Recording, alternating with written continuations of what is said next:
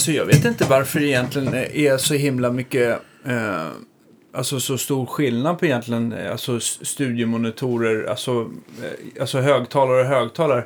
Så jag känner det jag själv vill, det är att en högtalare ska liksom va- vara ganska linjär, alltså att den inte ska färga ljudet så mycket. Ja, precis. Och så att den ska ha ganska låg distorsion så man inte blir trött i öronen. Och sen visst. så att den har en ganska bra så här transient, alltså att den klarar av, när det kommer en transient, att den kan återge den.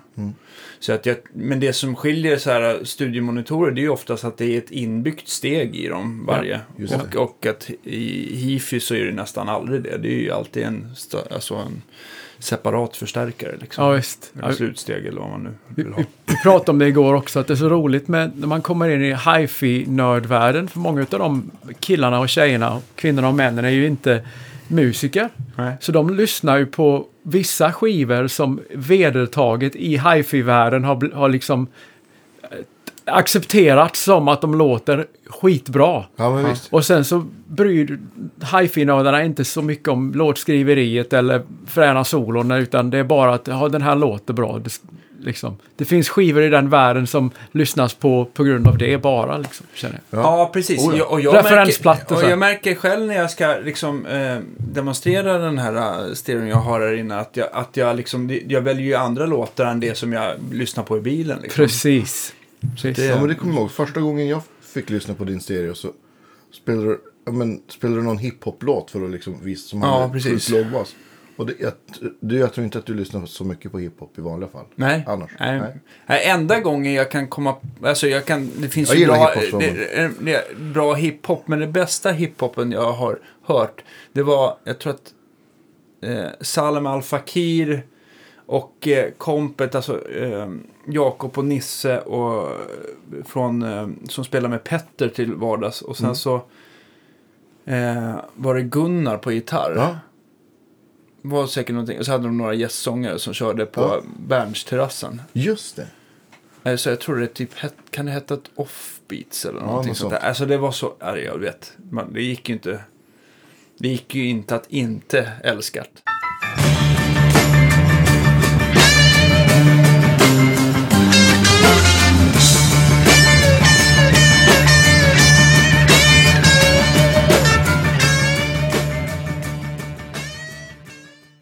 Men vad trevligt att ha dig här, Viktor. Det är Ja. så kul att vara här efter att ha lyssnat på alla avsnitten. Och nu skryter jag inte, jag erkände ju villigt att jag stängde av slutet på, eh, eh, slutet på eh, Tube Screamer. Screamer Shootout Ja.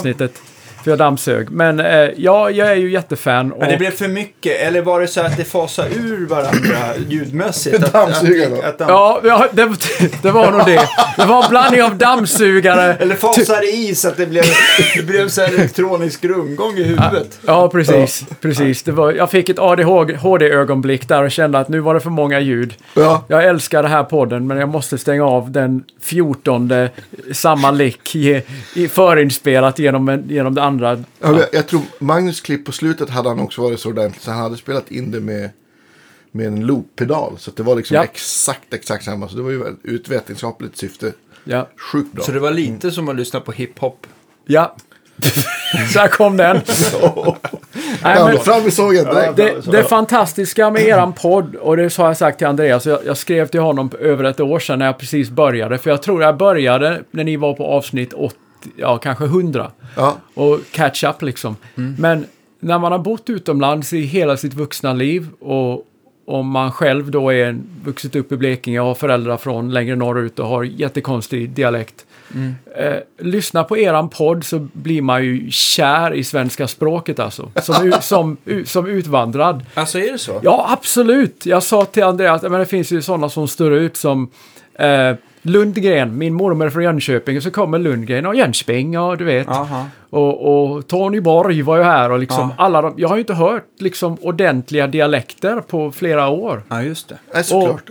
Så jag är ju liksom hälften tycker jag bara är skönt att lyssna på rent. Det är avslappnande för örat och liksom ja, ja men det här, kän, det här, liksom, det här känns som hemma. Ja, Plus att man lär sig allt om Alnico-grejer. Och- Ja, precis. underbart. Ja, visst. Vi hade ju en, en... eh, Vi var ju nära att podda förra sommaren nere i Var du hemma? Ja, Och jag, och jag var också nere i, i, i Blekinge. Men då, då blev ju Per Gessle sjuk så de spelningarna flyttades. Ja. Så då missade vi varandra. Så det var, men det här är ju ännu bättre. För då hade det ju bara varit ja. Ja, jag som fan av podden så kände jag att hade vi gjort ett litet så här liksom avsnitt i något omklädningsrum med bara dig och då hade det varit liksom, ja, soundcheck om en timma och liksom Ja. ingen Danne och liksom, Ja, jag men tänkte visst. det att det är liksom eh, Coca-Cola light-versionen så jag är glad att vara här istället. ja. It was meant to be. Ja, visst. Ja. Ja, visst. Ja, jättetrevligt att vara här. Men du bor i Los Angeles eh, till vardags? Ja, jag Ja. har bott i Los Angeles i två och ett halvt år och Ja. jag flyttade dit från Nashville där jag var i 18 år. Hur kommer det sig att det blev eh, Los Angeles istället då? Eh, det där är ju en lång historia och eh, i ärlighetens namn så nu när jag är i Sverige så kan jag ju säga att eh, det har rätt mycket att göra med icke-musikaliska och icke så här karriärsgrejer utan är man från Skandinavien och man har gått i svensk skola vuxit upp på svensk media så även att man, det finns mycket olika värderingar i det här landet så tror jag man har någon sorts skandinavisk stomme. Ja. Och den amerikanska södern eh, är ju väldigt olika. O- Ja. Det är ju en riktig kulturkrock från eh, Sverige. ja, precis. Och jag flyttade till eh, USA 94 för att gå i skola. Jag gick i Minneapolis i Minnesota istället för typ MI i Los Men, Angeles. men där är det lite, alltså jag tänker så här amerikanska södern att det är lite mer religiöst och kanske lite mer rasistiskt. Eller är det bara mina Nej, fördomar? det är precis det jag skulle komma till. Jag flyttade till Minneapolis uppe i, i norra USA i två år, gick i skolan där och turnerade med barband ett par år. Så att Top 40 liksom. Och trivdes, alltså det var som att komma hem efter att ha vuxit upp i Sverige. Jag tyckte att det här är ju, känns som jätteamerikanskt men det känns också skandinaviskt, vilket det är på grund av deras historia och emigrationen. Och sen flyttade jag då från Minneapolis till Nashville när det var dags att börja försöka hitta jobb med signerade skivartister som sidosnubbe liksom. Och, och, och var trött på den kalla vintern. Ja, precis, precis. Men eh, jag märkte ju direkt, och Nashville för 20 år sedan var ju ännu mera fullt av samma sorts människor Ja, än vad det det var idag. verkligen tänka det. Nashville som du kommer och hälsar på, det Nashville som du älskar nu är ju eh, en ganska förbättrad version. Men det är nog jätteskönt att vara i Los Angeles och, och jag har liksom min sven, lite svenska accent jag fortfarande har när jag snackar engelska är liksom den minst intressanta i stan för alla pratar konstigt och är från Alla olika länder. Och. Ja, så jag flyttade till Los Angeles för att jag har haft turen att spela jättemycket i Nashville, men det har mest varit modern country, liksom 80% av jobben.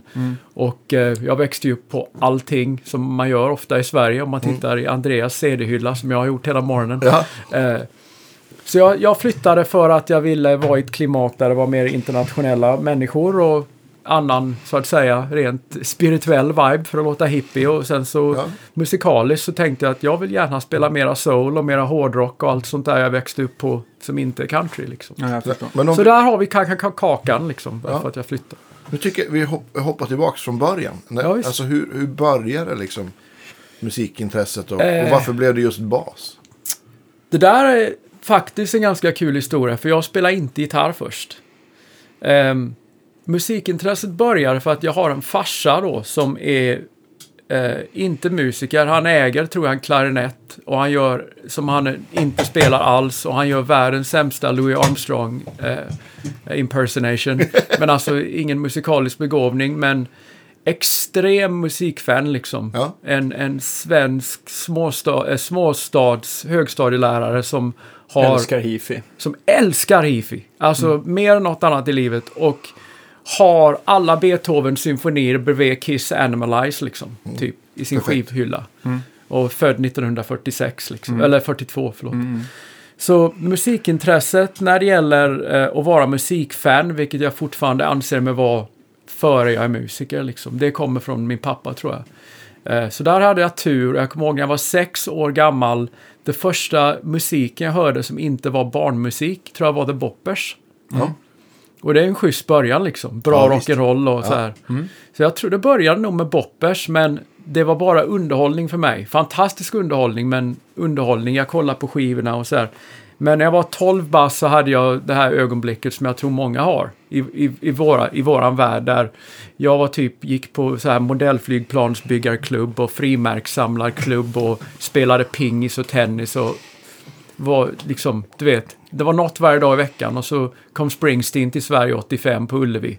Och varenda kvällstidning skrev om Springsteen och jag gick och köpte um, skivor och då blev det liksom, jag släppte allt inom en vecka. Du undrar liksom vad, vad, vad, är, vad det här Nej, för nej men jag, innan dess så hade jag spelat, eh, vilket jag kommer till strax, jag hade spelat lite bas, lite så här keyboardbas Ja, ett litet syntband. Men det var en hobby. Men när Ja. Springsteen hände så förstod jag att det blir in, liksom, det, jag, jag, har, jag har inget val längre i mitt liv vad jag ska göra när jag blir stor. ja coolt. På ett par veckor liksom det... Så det är Born in the USA-plattans fel att vi är här. Ja, det är det. Helt och hållet. Ja. Du vet, och när jag Så träffar folk i USA, liksom som säger så här, andra musiker som dissar Springsteen och säger snälla saker om mig eller något sånt där och säger att det är bara, det, vore det inte för honom så hade jag, Inte vara här. nej, du vet, förmodligen varit väldigt dålig på pingis eller något. Jag vet inte. Men så jag började, så det var svaret på hur så att säga, musiken tog över mitt liv. Jag var 12. Ja. Men jag började spela i ett band när jag var 10. Och då var det syntpop liksom. Vi snackar 1983, 85. Ja. Så det var Depeche Mode och Alphaville och Thomson Twins och allt det här. Just det. Fantastisk musik än idag tycker jag. Som, Jo, men, Men- har det berört en då så, så sitter det ju kvar någonstans. Absolut. Men då spelade jag en liten sån här, då spelade jag syntbas i våran synttrio. Mm. Liksom tre 11-åringar med plastkeyboards från Tempo för detta Åhléns. Precis, någon, någon variant av eh, Casio Precis. CTK21. eh, Ja, visst. Och det, liksom det roligaste som fanns var att det fanns en knapp som det stod fill in på. Så när man hade liksom trummaskinen på så tryckte man på fill in-knappen så drog man tempo till 300 så lät det som en gräsklippare. det var alltid väldigt fränt tyckte jag. Men så alla vi tre, tror jag, i min lilla syntpopgrupp, vi tyckte syntbasen var det fränaste alltid. Och än idag om jag lyssnar på Just Can't Get Enough med Depeche Mode så tycker jag syntbasen är en bättre hook än själva hooken. Ja. Så det var så jag blev kär i bas, att jag spelade syntbas som 10-11-åring på poplåtar. Och sen då var det Springsteen, så första basidolen blev ju givetvis Gary Talent från Ja. E Street Band. Liksom. Så det tror jag är det fulla, fulla historien. Men det, som sagt, jag hade bara tagit lite pianolektioner och blockflöjtlektioner på musikskolan. Så. Ehm, jag kommer ihåg när jag gick och sa till min pianolärarinna när jag var 12 bast, hade spelat piano i två år. Sa att jag har köpt en elbas och gått med i ett rock'n'roll-band. Och hon var väldigt ledsen. Ja, visst. Men var det för att de såg din, eh, din, eh, din eh, talang kanske i pianospelet? Jag tror att, att som pianostudent så var, var jag tror jag hade rätt bra öra så här men jag, jag det var ändå för att jag hade schysst öra så kände jag att jag gjorde alltid pianoläxan dagen innan liksom. Ja. Så det var ingen riktig passion där, utan det var mer att ja, men det här är rätt skoj och rätt lätt typ. Mm. Men det var ingen obsession än. Så det, men jag träffade henne många år senare på någon nyårsrevy i Karlskrona med Sven-Gunnar och det var Ja, det där gänget. Och då, då såg ju hon tio år senare att jag, att jag fortfarande spelar musik, så hon sa jag förlåter dig nu. Så det var ju Ja. skönt. Ja. Slapp man gå till på therapy för det. Vil- Vilken blev första basen då, då som, som du gjorde henne besviken med? Eh, Det, kanske var det hon var besviken, att hon hade valt helt fel modell och märke. Ja visst, precis. Hon kanske var liksom basnörd. Vilken underbar vinkling. Ja. Ja. Eh, det är en eh, kasuga, var en kasuga, som är ett, något koreanskt. Eller ja, Japanskt, japanskt. kanske. Ja. Men det var en, eh, en Gibson EBO eller EB0 beroende på hur man... Mm, hon gillar P-boss tror jag.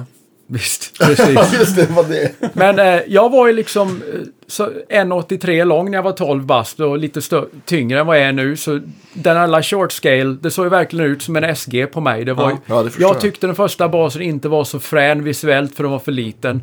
Jag snackade med Andreas igår kväll om det här att det, det är en liten obsession som har följt mig genom livet. Att när basar ser för små ut på mig. Så. Men eh, det, det var ju en fantastisk bas. Den kostade 700 kronor på en musikaffär i. Ronneby i. Blekinge, begagnad. Och eh, alltså, den roliga historien där, som jag gärna erkänner, är att jag, eh, eh, jag, kunde ju piano så jag visste ju vad de fyra strängarna på basen låg på piano så här E, A, D, G. Så efter, en eller två dagar hemma och plonka på basen så spelade jag och öppnade strängarna med mitt piano och tyckte det låter lite konstigt. Så jag ringde musikaffären i Ronneby och frågade stämde ni den innan ni sålde den till mig? Jaha, så det var ju inte... Va, vad sa han då? Nej, jag? kommer inte ihåg, men det är ju, det är ju, det är ju så otroligt skämmigt. Hade man varit sex år gammal liksom så hade det varit förklarligt. Det Men är ju som, skitroligt. som tolvåring med lite musiköra så skulle jag inte ha gjort ett telefonsamtal. men nu är jag här terapeutiskt och Ja, erkänner. ja, det är bra. Ja, visst. Va, vad stämde den? Kommer du ihåg? Ja, den, var, det- den, var, den var väl lite ostämd liksom. ja. Men eh, jag var ju, kom ju från piano liksom, så jag tyckte det här med öppna strängar var inget fränt. Det här som man spelar rock liksom. Utan jag ville ju liksom... Jag var väldigt viktigt att alla mina första låtar skulle vara i C. För jag, tänk, Ah, jag okej. tänkte som en pianist. Det Ah, var okej. inte E- A och E som AC/DC. intressant. Så jag, jag började, och jag tänkte faktiskt, kommer jag ihåg, mina första två år som basist, så tänkte jag svarta och vita noter på, på, på Okej, basen. ja, du överförde liksom. Visst. Ja, just det. Så, Så liksom vit, svart, vit, som Ja. C, dess, D. Liksom. Ja visst, Ja. så helt annan bag än när man är gitarrist och de andra säger att vi har för många gitarrister, du får spela bas. Ja. Visst. Och den basen hade jag väl i kanske ett och ett halvt år. Sen köpte jag en större bas och det var en Aria Pro. Just det. Den typ den billiga passiva versionen av John Taylor-modellen som och typ Cliff Burton-modellen som är... Men, men genomgående hals och... Nej, det var den billiga, det var Bolton-versionen. Eh, Just det. Och den slängde jag upp i luften några gånger. Det var mycket stage antics innan det var spelkunskaper. Ja. Så, så, men den, eh, tyvärr har jag sålt. Men jag, jag har kvar Kasugan. Mm. Och eh, Har du, ja, är det bara som fint minne eller har du även använt den vid några inspelningar eller sådär? jag tänkte ju för 15 år sedan kanske att eh, jag hittade den hemma i morsans förråd i Karlskrona. Att ja, men det här är väl skit. Så jag har en trubadurkompis i Östergötland som spelar lite bas på kul hemma som många gitarrister. Så han sa, har du någon gammal bas jag kan få låna? Så jag gav min Kasuga i 15 år. Glömde nästan bort att den fortfarande fanns. Och sa han, ja den behövde lite nya sadlar så, här, så jag, jag la några kronor på din gamla bas för jag har spelat den rätt mycket. Sen spelade den hemma hos honom för fem år sedan och eh, visst, den känns fortfarande som ett ekonomiinstrument men lät hur bra som helst. Och eh, så jag tog ju den genast med till USA och spelade på en hel skiva i St. Louis som var i stort sett en typ Sam Cooke och Motown tribute. Okej. Ja. Och de ville ha P-bas med flats, men jag rullade ju in med min lilla, som alla Kazoo. trodde hette en, en Gibson SG-bas, men Ja. den, lilla EB-kopian den, den funkar faktiskt jättebra. Men, men jag tänker så här, äh, den typen av, av soul-bas-sound, det, är det ska väl vara rätt kort och kuddigt liksom? Eller att, att ganska Ja. mjuk och avrullad diskant. Ja, absolut. Och sen så, de basgångarna, om man lyssnar på Duck Dunn på Stax, om man lyssnar på James Jamerson, två helt olika basister. En kommer från jazz och en kommer nästan från brutal, simpel rockabilly ståbas liksom på el. Men det som de har gemensamt tror jag att bägge två spelar så pass hårt att, att eh, det är lite pitch. Det är lite pitch wobble på när man Ja, just först det. Det, det duckar lite Så- efter anslaget. Liksom. Ja, precis. Så det som hör till det ljudet, förutom att man rullar av diskanten, tycker jag är, är en liten så här att det inte ska låta för fint. Just så att det. säga att det, det, det liksom, och de här riktigt gamla short scale-baserna, speciellt de billigare. Ja, Ja, precis. Det blir extra stort problem. Ja. typ, man, man, det låter mycket som en upright liksom. Spelar man Heartbreak Hotel med Elvis till exempel, dum, bum, bum, de här nedgångarna Ja, som, är på, som är ostämda på skivan. Ja. Det är lätt att få dem att låta gammaldags Ja, om man har en dålig nog bas. Men är det flats på den då eller kör du vanliga? Jag tror att trubadurkompisen satte rounds på den och de Ja. är så gamla nu att eh, de Att de är låter döda. som- Jag ja. tycker om gamla rounds för att spela in Ja. faktiskt. Nästan mer än flats. Jag kör hellre en strumpa under liksom. Ja, just det. Ja, just. Just det. Och då, då menar du strumpa under, alltså så nära stallet. sadlarna som möjligt vid stallet där. Liksom för att eh, få den ännu kortare i Ja, soundet. precis. Och det finns ju några eh, nu, både typ Planet Waves tror jag och eh, Nordstrand. Som Just är det. en jättebra bas. Eh, eh, custom pickups och custom utanför Los Angeles. Han gör ju något som heter ett Nordi Mute nu som är typ en, ser ut som en stor eh, klädnypa heter det på svenska. Det är som en stor okej. klädnypa fast med skumgummi på insidan på bägge.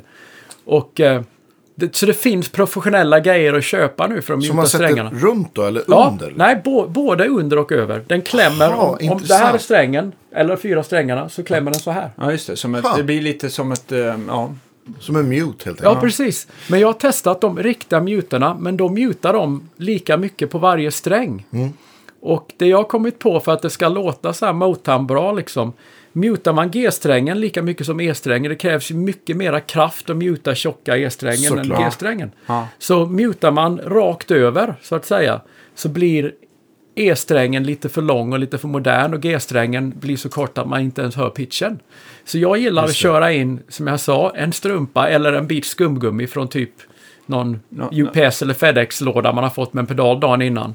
Ja, jag Och- tänker bara någon så här eh, vanlig tvättsvamp som man Ja, har till precis. disken. Liksom. Och jag lutar ofta så här, om, om E-strängen är här så lutar jag så här. Så att man får Ah, jättemycket mute på E-strängen och jättelite Alltså på du, G-strängen. ja, alltså du, du, du liksom tar skumgummit ifrån själva sadeln och så, så tiltar du den lite är mot, mot mikrofonen. Så För att det blir snett så. Vi vill alla ha Jameson-ljudet. Det är ju det, Mm. det är liksom, ingen försöker ju ens att, att, att göra något annat. Det är ju det som gäller liksom. Men han körde strumpa också. Nej, han hade bara gamla strängar Ja, tror jag. Han, han Nej, men jag vet ju också att vissa vi, eh, så- så här bluesbasister jag har spelat med har ju varit, har ju varit också rätt duktiga att dämpa med handflatan om, om man spelar tumme mest. Liksom, sådär. Absolut. Så det, men jag, och sen så har det varit typ som Hasse Eriksson, jag kommer ihåg, han körde flats, eh, skumgummi och dämpa med handflatan och körde tumme. Oj. det var Absolut. ganska kort sound. Ja, visst. Det var Nej. liksom, den här strängen, eh, klangen hade tagit slut innan han slog an. Liksom. Ja, visst. visst. Nej, men det, det är fränt när bas, för det om man lyssnar, speciellt om man lyssnar på, om man är jazzkille liksom. Jag har aldrig varit så här, men när, när, när man så att säga var tvungen att, att lyssna på mycket bebop när man gick i skolan. Så, eh, ja, jag hoppar väl, ja, jag har redan Ja, har slurkat. det. Tack så mycket. Eh, I våra gitarrgigsmuggar som alla borde Ja. köpa. Ja, jag ska köpa min sann. Ja. Ehm, eh, vad var vi? Jo, där basen bara, man inte hör pitchen. Om man lyssnar på riktigt snabb bebop när basen bara spelar fjäderdelar och ridecymbalen spelar Ja, swing. Ja. Så det är inte alls som typ rockabilly som jag vet är din grej, utan Ja. när man hör riktigt bra bebop-bas som är riktigt snabb, då hör man basen som en bastrumma nästan mer Ja, än en precis. pitch. Ja, det är Och basen spelar ju sådana snabba jazzbasgångar så det är ju mycket kromatik och icke-ackordstoner. Så hade man hört pitchen för mycket så hade det nog låtit för Out. anguljärt. Mm. Out. Så, så, så det är kul med bas som är så kort att det inte finns toner. Liksom. Men Ja. är det inte så liksom just, just eh, gammal, oavsett om det är swing eller, eller, eller jazz eller gammal blues eller något sånt där, där man inte körde liksom, det, där var ju liksom baskaggen och eh, kontran var ju ett. Det var ju ofta så här four on the floor och att de skulle hjälpa Flytta varandra. Ja, liksom. Ja, precis. Ja, precis. de, hade lite samma, de hade lite samma jobb på något sätt. Liksom. Ja, precis. Nej, men det, det är kul med short scale-basar och röda strängar och allt sånt där. För jag spelar inte kontrabas bra nog att kalla mig kontrabasist. Jag ljög på tv en gång. Men eh, det, det var bara för att det var en ballad och jag, och jag kunde taffla med. Ja, precis. Ja, jag hade ljugit för management och så ta att jag spelar också. Så jag var tvungen att följa, följa igenom på lögnen. Ja. Det är en rätt schysst historia också. Men, eh, men ja, det, det är jättekul. Men live så håller jag inte på med det här mycket. För jag tycker genom ett PA, alla de basljuden som är så ljuvliga i studion. Så man, man kan verkligen höra ifall det är mycket dämp eller lite dämp. Eller man kan höra ifall det är döda round wounds eller halvnya flat wounds. Allt det där som är så skönt att spela in och som alltid funkar på skiva. Jag personligen genom ett PA tycker det blir ofta bara, bara så här.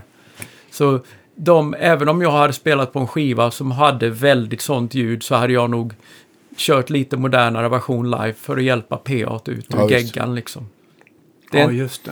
Ja, men, det är inte lika för- mycket cred på det, men Nej, ibland men men man... det är jag- jag- funktionsmässigt Ja. tycker 100 så- procent. Man tittar ju på sådana här, jag, jag tänker bara för att återkoppla till Springsteen. Alltså Ja. om man tittar på hur, hur de spelar så är det ju ganska, det är ju inte så mycket, eh, alltså de spelar på ett sådant här sätt som gör att det, eh, hårt och ganska avskalat trumspel bara Mhm. för att det ska liksom funka på stadion. Så här, Alla så här små finesser, det blir bara, det Mhm. blir bara en stor, ett, det blir bara ett sål kanske. Ja, Så att Stora jag- penseldrag. Ja, Ja, men jag tror det. De är, nu kommer jag, kommer jag inte ihåg vad den trevliga, roliga trummisen heter bara för det är han som brukar vara med där. Han som Max? ändå- ja, precis. Max Weinberg. Ja, precis. Han, brukar, han är väl med fortfarande. Absolut. Han, Han- han brukar väl behålla sina band in i ganska intakta Ja. Springsteen, va? Eh, Ma- Frugan på gitarr och... Ja, precis.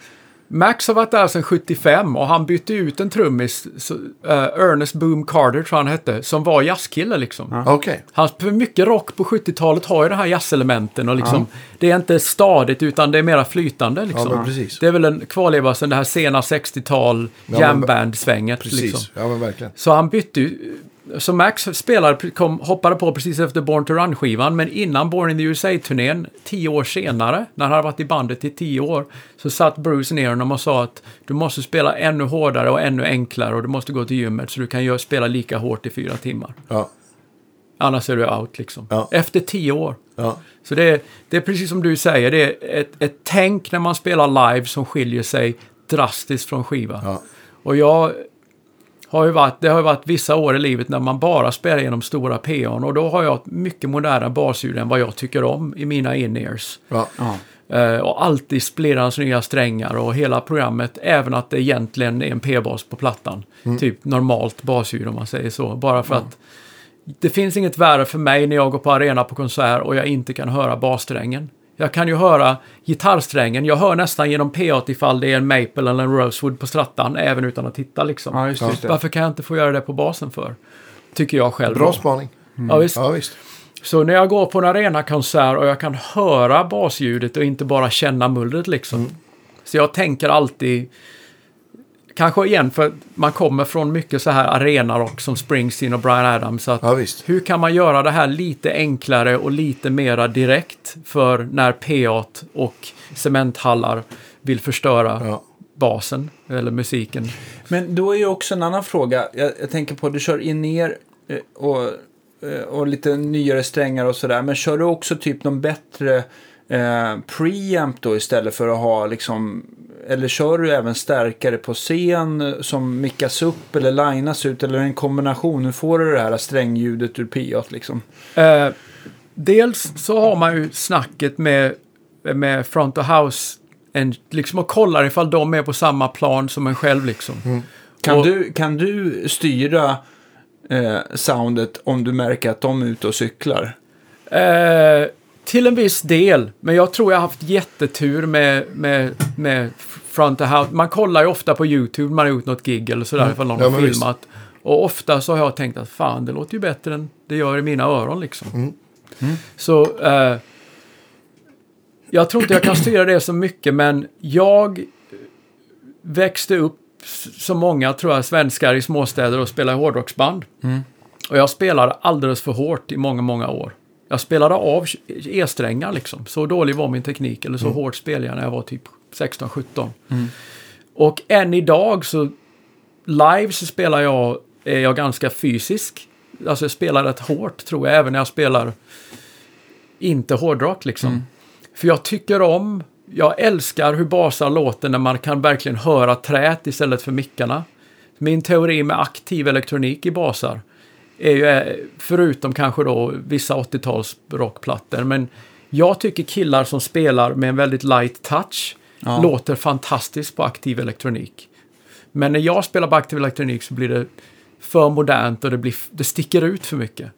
Så jag tycker om att få, att få diskant och få strängljud ur passiva mickar och, eh, och splirrans nya strängar. Det är mitt recept liksom. Det finns ingen modern preamp för mig som får mig lika upphetsad och får mig lika lycklig på andra sidan P8 när jag hör Nej, okej. boardmixar som eh, passiva mickar och, och, och riktigt nya strängar. Det är kombon som funkar för mig ofta. Hur, hur många gig räcker ett set strängar för Eh, dig? Jag eh, har mega ADD med mina basar. Alltså jag har inte en... Jag har inte en nummer ett när jag spelar live. Alltså jag har, vi kommer väl till det här, men just nu har jag en jättefetish för gamla Yamaha-basar. Så jag har köpt 8-9 stycken här senaste BB... Ja. ja. Eh, och jag har dokumenterat i detalj vilka olika eh, mickar som Yamaha gjorde olika år. Tagit med mig detaljer på vilken tråd de använde till dig också. Ja, sånt. härligt. Ja, Ja, visst. Ja, ja, ja. Visst. Det här är nog den nördigaste basisten vi har haft i Ja, programmet. absolut. Ja, visst. Det, det, det, det har jag lärt mig att det måste jag leva med. Liksom. Men, eh, Mycket Eh. bra. Jag är i extas faktiskt. Ja. nej, men så jag, eh, så jag kör stenhårt på de här gamla Yamaha-basarna och eh, jag har glömt frågan. Men eh, eh, Hur- Strängar. Hur länge jag håller Ja. strängarna? Jag har så många av samma bas, eller i stort samma bas, att bara för att det är så kul. Spelar jag fyra kvällar i veckan så kör jag tre, två eller tre olika basar kanske över fyra Ja. kvällar. Så när jag har ett set strängar så räcker de även när det är busy season liksom, brukar vara tre, fyra månader innan jag tycker att det riktigt försvinner. Men jag har ju kompisar som, ni har också kompisar och kunder, som som kan ta i ett nytt set strängar, inte ens spela och slida runt, men ta och köra en skala eller två, tre, fyra minuter. Så det är dött. Ja. Men det där, är- det, det, är ju total body chemistry, det har ju inte att göra med hygien eller någonting. Nej, men precis. jag tror jag har väldigt non-acidic hands, för jag, jag kan få bra zing ur strängarna väldigt länge, tycker jag själv. Ja. Ja, Det är ju trevligt. Och- när, när det kommer till strängmärke, har du hittat någonting där som du tycker funkar bättre överlag? Eller, är det, eller spelar det ingen roll, bara det är rätt tjocklek? Här är, en, här är en kommentar som jag känner att jag får på käften för lite, förmodligen bland lyssnare och, och har liksom nästan fått i livet.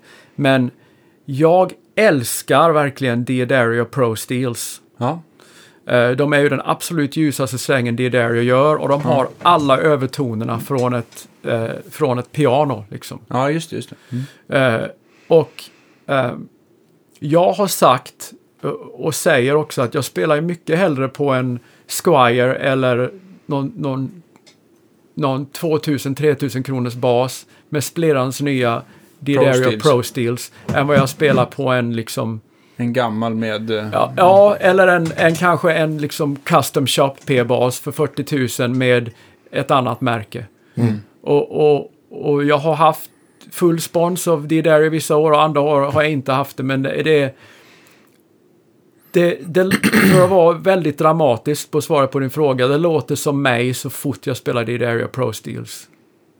Och det, de är för ljusa för vissa grejer. Det är de. Jo, men men det, jag- det låter precis som mig mycket mera än en specifik instrument låter som mig. Ja, vad, vad roligt. Men jag, jag, kan inte, jag kan inte komma på när jag bytte just Pro Steels på bas senast. Men just där, många... jag- har ju mer svårt för alltså, hur de känns att spela på många sådana här... Eh, eh, alltså...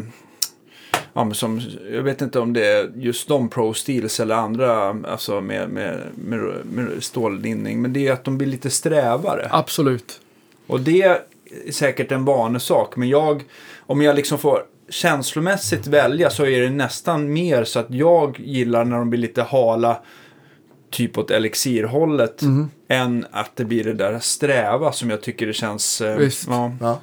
Eh, jag, jag tror en, en del med att jag gillar Pro Steel så mycket, förutom alla de här övertonerna som jag tycker är helt fantastiska, som ibland är jätte i vägen när man spelar in en skiva, som Ja. vi snackade om innan. Det funkar mycket bättre med flats eller lite äldre strängar. Ja. Men eh, en grej som, som, jag, som jag gillar nog dem för att ofta, 90% av tiden, så, så spelar ju inte jag någon sorts solobas eller eller jag spelar ju inte ens musik som anses tekniskt involverad kanske. Jag menar, jag menar, jag spelar jättemycket, vare sig jag spelar country eller hårdrock, så jag spelar mycket, liksom, det är mycket pumpa åttondelar på, på, på rot, på liksom grundtonen. Grundton, ja. Och då, då hur snabba strängarna känns eller hur bekväma de Ja, känns fattar. blir väldigt sekundärt till hur bra den där enda to not- tonen låter. Tycker Ja, jag. visst. Ja. Men ja, din point är ju jättevalid tycker jag. De stålsträngar är definitivt strävare och ska man spela lite mer tekniskt så speciellt första veckan på Pro Steel så är det verkligen eh, eh, så här. ja, precis. Det är lite raspigt. Ja, visst. Men ja, nej, men jag ska ge det. Jag vet ju att eh, av våra gitarrister vi har haft eh, i podden så är väl framförallt Göran Elmqvist ett stor fan av Ja, just precis. Pro Steels. Va? Så att, eh, ja. Jag tror Jag Paul Gilbert tror jag också brukar ha spelat på sådana förut i alla fall. Ja, men tänk vad snabbt han hade kunnat spela med ett par vanliga. Oj. Nej, men då hade vi inte hört några toner. Så att, Men jag kommer ihåg, jag satt, eh, jag satt hemma en dag för ungefär ett år sedan och så la jag upp en sån här snabb liten Insta-story och Andreas skickade mig genast ett meddelande att det måste vi prata om på podden. Oh! Och, och det var... Jag hade, jag, jag tror det var när jag köpte min begagnade Spector LX4, den traditionella NS2, fast den europeiska versionen som är så vanlig i metalband. Köpte en begagnad Spector och tänkte jag nu måste jag testa den med, eh, och jag har eh, bra eh, kontakt med MXR eh, eh, Jim Dunlop. Så de skickar alltid mig massa strängar och så här, vad tycker du och så här. För de, de är väldigt på att utveckla nya så här grejer. De testar mycket nytt och det är skitkul även att det inte alltid faller mig på läppen. Men de har skickat sina nya stålsträngar. Ja. Och jag har sagt till dem flera gånger att era stålsträngar är inte lika bra. Och då säger de, ja men Marcus Miller spelar dem och de, de, de tycker väl att Victor Brodén liksom, så här, vet. Men då säger jag att nej. Så jag tänkte jag skulle visa dem. Så jag spelar in Pro Steels och deras stålsträngar. Spelar samma baslick. Ja. Du vet, två takter. Jättelätt. Och la dem bredvid varandra i, i, liksom i Logic och, Ja. och, och gör, kör alltså. Och jag, märk, jag märkte kanalerna Diodario och Jim Dunlop och Andreas kom ju med eldlågor och Ja, ja, utropstecken och hela det Ja. vanliga. Jag blev Ja, helt Ja, visst. i gasen. Vad var skillnaden? Eh, här är skillnaden. och eh, Jim Dunlop-strängarna. För det är många som tycker stålsträngar på bas, för de har så mycket topp att de känns lite hängmattiga i EQn. Att det inte riktigt smäller i mellanregistret, vilket spelar man lös så, så gör inte riktigt det faktiskt, tycker jag. Jim Dunlop stålsträngar, de heter, jag tror bara de heter Steel. Ja. Eh, de hade ett, när man spelar f- f- eh, med fingrarna så hade de bättre burp, eh, bättre smäll i låga mellanregistret Ja. liksom. Typ allt tre- 250-300 hertz någonstans tyckte jag det var bättre smäll i Jim Dunlop-strängarna. Men när jag spelade med plektrum och ville ha det här sköna liksom, ja, det som jag älskar med plektrumbas liksom, det, det, då fanns det, då var Pro Steelsen mycket bättre liksom. Men det var jätteskillnad. F- Fick du någon kommentar från Dunlop angående det, det, det klippet? Nej, i, I mean, det är ju inte precis det de vill höra. De har väl insett att jag inte ändrar mig på just den frågan. Ja, men är, eller är det lite så här, jag kan, det här kanske också är mina förutfattade meningar, men jag tycker jag har märkt att många amerikaner, att de har väldigt, det, det ska krävas väldigt mycket innan de kan, ehm, ehm, inte ändra åsikt kanske, men liksom erkänna någonting sånt. Att det liksom, de håller, de De håller stolta, sin linje in i det sista och, liksom. och, ett sånt, och ett sånt företag som är så stort som Jim Dunlop, de har väl rätt mycket pengar insänkta i, i R&D för Ja, de här visst. nya stålsträngarna också. Liksom. Och, eh, men det är ju skönt när man har sånt förhållande med företag som säkert ni har med några, att man kan bara köra raka puckar hela tiden. Liksom. Och Jim Dunlop för typ tio år sedan, det här låter ju lite som reklam, men de hyrde som chef för liksom basavdelningen en riktig basist. Inte en, inte en kille som spelar bra bas i ett coverband som då jobbar på ett företag på heltid, utan en riktig superbasist som heter Daryl Anders. Som spelar liksom smooth jazzfunk i Marcus Miller-svängen och gör soloplattor. Väldigt musikaliska och inte alls här för mycket. Och han hamnar alltid högt på typ europeiska listor med instrumentalskivor. Så han är deras baschef och han... Eh, han hade definitivt bara kunnat vara basist, inga problem där, alltså jättebra. Så ända sedan han kom in på MXR Dunlop så har ju deras pedaler, spe- basspecifika pedaler blivit mycket bättre. Och det är han som är så på med de här strängarna. Men vi har haft så bra fram och tillbaka under pedalutvecklingen på MXR att nu när han kom med sträng, och jag har älskat det, han- det han gjort på pedalerna. Han gjorde ju en oktavpedal som fixade alla problem med alla oktavpedaler tycker jag hittills. Var, det den, var det den som var lite så här ljusvitgrå på något sätt? Den- Ljusvit låter ju konstigt att säga, men ljusgrå var den väl? Den- nej, det är fassen kanske. Ja, Oh, den, är, den är Blue Sparkle, tror jag. D- MXR Base Octave heter den. Just det. Och den har eh, många oktavpedaler låter ju fantastiskt genom en basrigg, genom en 410 liksom. Det är riktigt, det growlar fast man har massa extra lågbas. Men i P8 sen så... så upp. Visst, så den har en midboost-knapp. Alltså, den har, först och främst har den två kontroller som bara kontrollerar den, eh, den, den låtsasoktaven, oktaven under. Ja. Så den är, Aha, alltså, den, är, okej. den är uppsplittad i två som heter growl och girth, väldigt sexuellt. Ja. Och, eh, så growl är då lågmidden på den fejkade underoktaven och Ah. girth är lågbasen på den fejkade lågoktaven. Så du kan verkligen EQa den, den Oktaven liksom. för att Precis. Det, oktavljudet som är då fake så att säga är ju aldrig lika direkt som anslaget i den riktiga oktaven. Såklart. Och sen genistråket med den pedalen är ju eh, en jätteliten grå knapp längst uppe som heter mid. Och trycker man på den så är det inte en så här liten försiktig mid-boost utan det är liksom... Och det låter för mycket genom basriggen. Det tar bort den här sköna, varma oktavpedalfeelingen. Men genom ett PA så låter det helt plötsligt som en Peter Gabriel-platta liksom. Eller Ja. så här. Fränt. Ja, den är jättebra. Men eh, det var ju... S- det var, Smart att, av dem att anställa någon som, som har den kollen som, liksom, som, som spelar så mycket. ja, Daryl Anders heter han i folk Ja, vill kul. kolla. Ja, det ska jag kolla in. Jätteschysst och lätt att få tag på på sociala medier och allting. Och han är, in, han är basansvarig tror jag för allting på både Dunlop och MXR. Och eh, han, han har liksom... Ja, han har hjälpt mycket där tycker jag. Ja, Jag spelar ju många pedaler och EBS-kille och sådär, men det är jättekul tycker jag. Det hörs att det är en riktig basist. För det, jag tror ingen tekniker hade riktigt tänkt på de där grejerna med oktavpedalen. Till exempel som han nej. Det, då du berättar om det så känns det ju väldigt logiskt. Då, att, Ja. Så tänker man, varför har ingen tänkt på det här förut? Och de har, alla pedal, pedalmärken har ju, har ju någon form av typ en onboard pre liksom. Alla vill ju ha en Sadowski onboard pre i en pedal. Ja, alltså vanlig. Det bara, den bara hotroddar ditt vanliga ljud lite Ja. grann liksom. Mm. Alltså du får ändå, för den preampen det är väl ändå att du har passiva mickar. Visst. Det är inte EMG Bartolini Nej, och det precis. soundet utan det blir det är bara att den liksom, det är som att du får en, en bo, lite boost EQ-pedal Precis. i under plektrumskyddet istället. Precis, och, och, och eh, nu när, när alla vill ha små pedaler, eh, MXR, jag äger inte den här själv, men många kollegor i mina så här sms-trådar, basistnördar, säger att deras lilla nya MXR Base Preamp som är typ, jag, jag vet inte ifall det är en eller två rattar och den Ja. är liksom, du vet, jätteliten, att den är den perfekta om man har passiv bas som man inte vill slänga in aktiv preamp. Så det, det är mycket de har som inte jag har testat också, Ja. i ärlighetens namn. Jag, jag visade dig lite igår kväll Andreas. Ja, jag har kört rätt mycket med samma pedaler i rätt många år med bara ett par, eh, ett Vi- par ändringar. Victor har ju va- varit så föredömlig här. Han har ju liksom förberett och fotat alla baser och pedalbord och grejer. Och, Mm, och så att det, det kommer bli en... Och, och, och jag, jag tror jag övertalade dig också att skriva. För du berättade så här sköna kommentarer om när varje bas du la upp och lite så här. Så det vore jättekul om man kunde skriva det under varje bild också. Ja, men det är klart. Jag har, jag har, ett, jag har, jag har några stycken basar som, som, jag, som så här, folk tittar alltid snett så här. Liksom, är, är- menar du allvar? Eller? Du har väl råd med något bättre? Typ.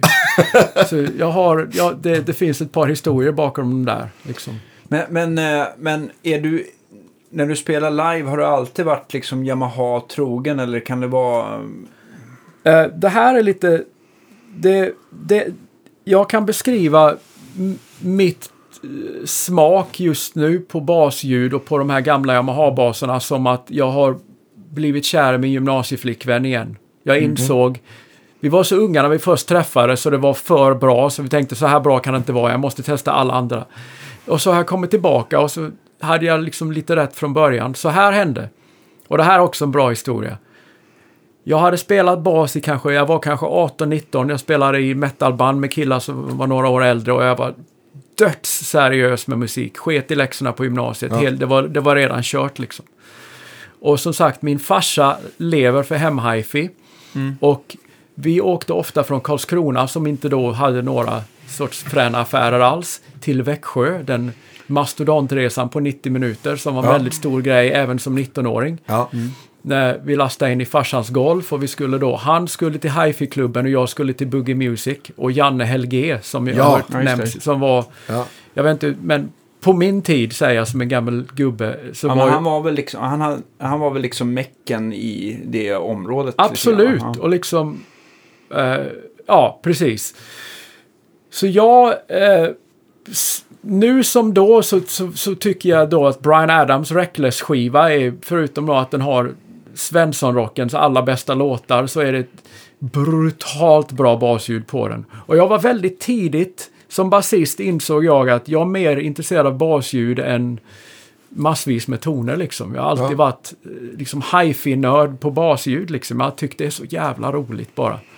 Och, eh, och jag kom ju till ett ställe i Karlskrona där ingen av de äldre killarna som var bättre än mig på bas, de hade Mark King-ljud eller de hade helt andra ljudideal än jag Ja. hade. Och jag hade liksom lyssnat på Brian Adams då precis kanske, jag tror Appetite for Destruction liksom var precis i den vågen. Så jag precis Ja, hört visst. Duff McKagan och jag tänkte att det där, så vill jag låta liksom. Så jag hängde med farsan till Växjö, till Hifi-klubben och Boogie Music och McDonalds som Karlskrona inte hade givetvis. Och då gick jag in. Då gick jag in på Boogie Music och tittade Janne Helge i ögonen och jag var tonåring liksom. Och så spelade jag Somebody. Du vet, det, det bryter ner lite efter andra refrängen Precis. på F och G.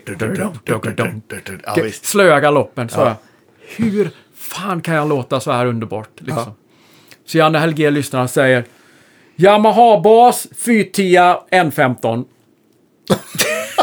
Underbart! Ja, visst. Ja. Svar på tal. Ja, visst. Ja. Och jag spelade just då en Guild Pilot. Det är alltså en... eh, För Jag att vet jag inte hur den ser ut. den, är, den är som en till... Det är som en jazzbas som åkte in i en sån här trash compactor och blivit längre och smalare. Okej. Möjligtvis lite sexigare och lite mindre. Men, ja, precis. Det- Så den hade jag då och det, var- det var för att jag var stor fan av Bon Jovi och Alec John Such som jag inte visste då, aldrig spelade på någon skiva. Nej. Han var i annonser med den här Guild Pilot. Och den såg otroligt fan ut. Så jag, jag hade en Guild Pilot just då, specialbeställd från USA och liksom Ja. kostade alldeles mycket pengar för min ålder. Jag hade haft den i två år, men EMG-mickarna var liksom... Det var någonting där som var för vackert liksom. Det lät lite för fint tyckte jag. Mm. Så jag beställde en Yamaha BB3000, den klassiska basen som tog över, P, liksom som var P-basen på steroider då, på 80-talet. Och jag beställde den typ 89 och visste inte att Yamaha precis hade bytt till aktiva mickar. För att alla som köpte de gamla BB3000 med Yamahas mickar i, för att det var 80-talet, bytte ut till EMG. Aha. Vilket i de baserna var nästan omöjligt för deras pickup fit, nu är det nördigt, Ja, deras ja, pickup fitment, Yamaha, är, är ju specifikt till märket så du kan inte droppa andra. Eller på den Nej, precis. Det, det är Visst. inte kompatibelt med vare sig jazz eller P. Liksom. Precis. Så Yamaha insåg ju att hela världen eh, just nu köper Fender P-bas och borrar in EMG-mickar eller förstör våra gamla basar och kör Ja. in EMG-mickar. Så de började göra aktiva mickar själva. Så jag beställde en Yamaha BB3000 på jakt efter ljudet som Janne Helge hade sagt till mig att jag skulle ha. Ja. Och det var aktiva mickar i den också. Så jag spelade den i ett år och kände att jag var nästan hemma, men det var for- fortfarande lite för fint. Så jag gjorde en av mina stora misstag och sålde min första Yamaha BB3000. Så jag hade, Janne Helge hade rätt och jag hade vid 19 års ålder nästan ljudet som var i huvudet. Det jag inte visste var att jag hade bara köpt en årsmodell för ny av, dröm, Ah. av drömbasen. Ja. Och nu när jag bor i Los Angeles och spelar jättemycket rock och hårdrock och jättemycket så plektrumljudet på de här gamla Yamaha-basarna är, det är poesi i huvudet. Ja. Det finns ju stärk jag gillar bättre än andra stärk, men så länge jag har Pro Steels och en gammal Yamaha-bas så det, jag kan inte inte låta som jag. Ja. Och det säger jag inte är bra eller dåligt, men det är en jävligt skön känsla när man känner att det krävs inget mer än just det för att jag ska låta som jag. Liksom. Coolt, men jag tycker så här, Nalle Paulsson som du har hört i podden. Ja, Ja, jag är det skulle- väl en till som, som verkligen favoriserar gamla BB? han är, han, är, eh, han är en stor förebild för mig och har alltid varit liksom. Eh, jag sa till Andreas igår kväll, jag älskar killar som kommer från kanske lite hårdare rockmusik, men är musikaliska nog att de kan ta den feelingen in i poplåtar eller, eller kanske till och med country eller Ja, visst. Eh, till, och, och Nalle har, har ju en magisk högerhand Mm. med plektrum alltså. Ja, Var- det är både på bas och gitarr gitarr. Ja, också. visst, man, blir visst. helt, man blir ju lite... ja, Det är inte många som har den... den Man just är, som, man är, är inte Nalcon för in, intet liksom. nej, precis. Nej, nej. Men han, han, har, han har väldigt, även att han låter som Nalle givetvis, så Mm. har han, när, på allting han spelar på på senare tid. Mm. Eh, han spelar på ett sån här AR-projekt med Robert Sell från Work of Ja, Art visst. och, hela, och eh, eh, Steve Overland, sångaren från FM, eh, Ja. engelska AR-bandet som heter Groundbreaker. Och eh, eh, Herman Furin på trummor Ja. också från Work of Art. Ja. Kom ut förra året och där spelar Nalle bas hemma, tror jag, genom en Sandsamp. Och det låter, det är det perfekta exemplet på BB-ljud. Okej, Typ. ja. Det är nästan uppe i Holy Diver-ligan liksom. Ja. Det är ju liksom, det låter som inget annat. Och det låter absolut inte som en P-bas. Eh, även att det ser ut som en. Mm. Och jag får frågan ofta så här om Yamahas nya baser. De nya BB-baserna, för Mm. de är nu kompatibla med alla drop-in pi- mickar och allting. Och de har ju redesignat dem liksom och tagit bort de här guld, guldfärgade mässingsgrejerna ja. Så de är inte mer, ser de lite mer... De, de, inte bara ser de lite mer ut som en Fender nu för tiden, men för mig, de är, när man tar upp en ny Yamaha, även deras billigare, fantastiska instrument alltså. Ja. Om man är nybörjarbasista så gå och köp en Yamaha med samma. Ni hade en gäst här, jag glömmer hans namn, här i Stockholm, yngre kille. Han spelar en Yamaha eh, Mats Sandahl. Mats Sandahl. Han spelar en av deras billigare modeller.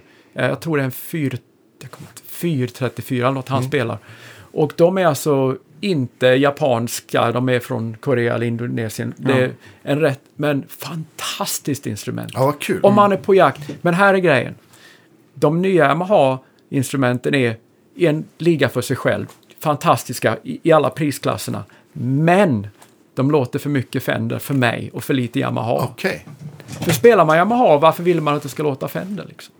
Tycker jag. Nej, eh, om, man, om du ska beskriva för någon som, eh, som vill förstå Yamaha-soundet, vad är det som skiljer eh, Yamaha mot Fender till exempel? Jag har tänkt mycket på det här. Ja. Är det mer, är, det närmare jazz eller närmare, närmare P eller? Är det en- Här, här är, tycker jag, om man köper de här gamla neck-through-basarna, de, lite, de lite dyrare, och de är fortfarande skapligt billiga på Ebay och Reverb allihopa, och de, Typ. går, upp, de går upp i värde varje månad men, just du, nu. men innan vi sänder det här, du har köpt så att du klarar dig.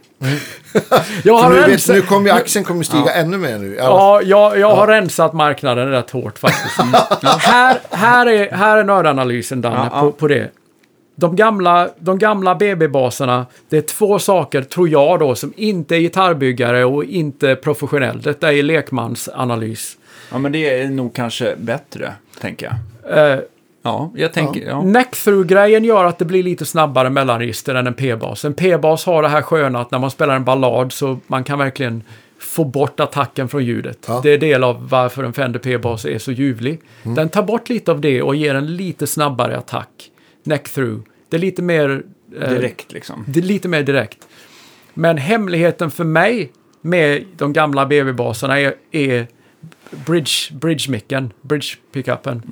Eh, den är mycket, mycket argare än någon Fender eller replacement-mick Okej. jag någonsin har hört. Ja. Så när man spelar plektrum, och jag vet Nalle har sagt att han borrar ner sin bridge-mick till- till den sitter nästan nere i kroppen alltså. Okej. För att han vill, han vill ha 80% P-bas-mick, men han vill ha den lilla...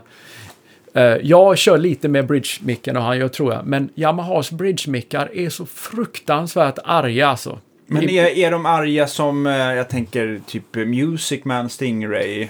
Den ilskan sitter mer, tycker jag, i ett klick.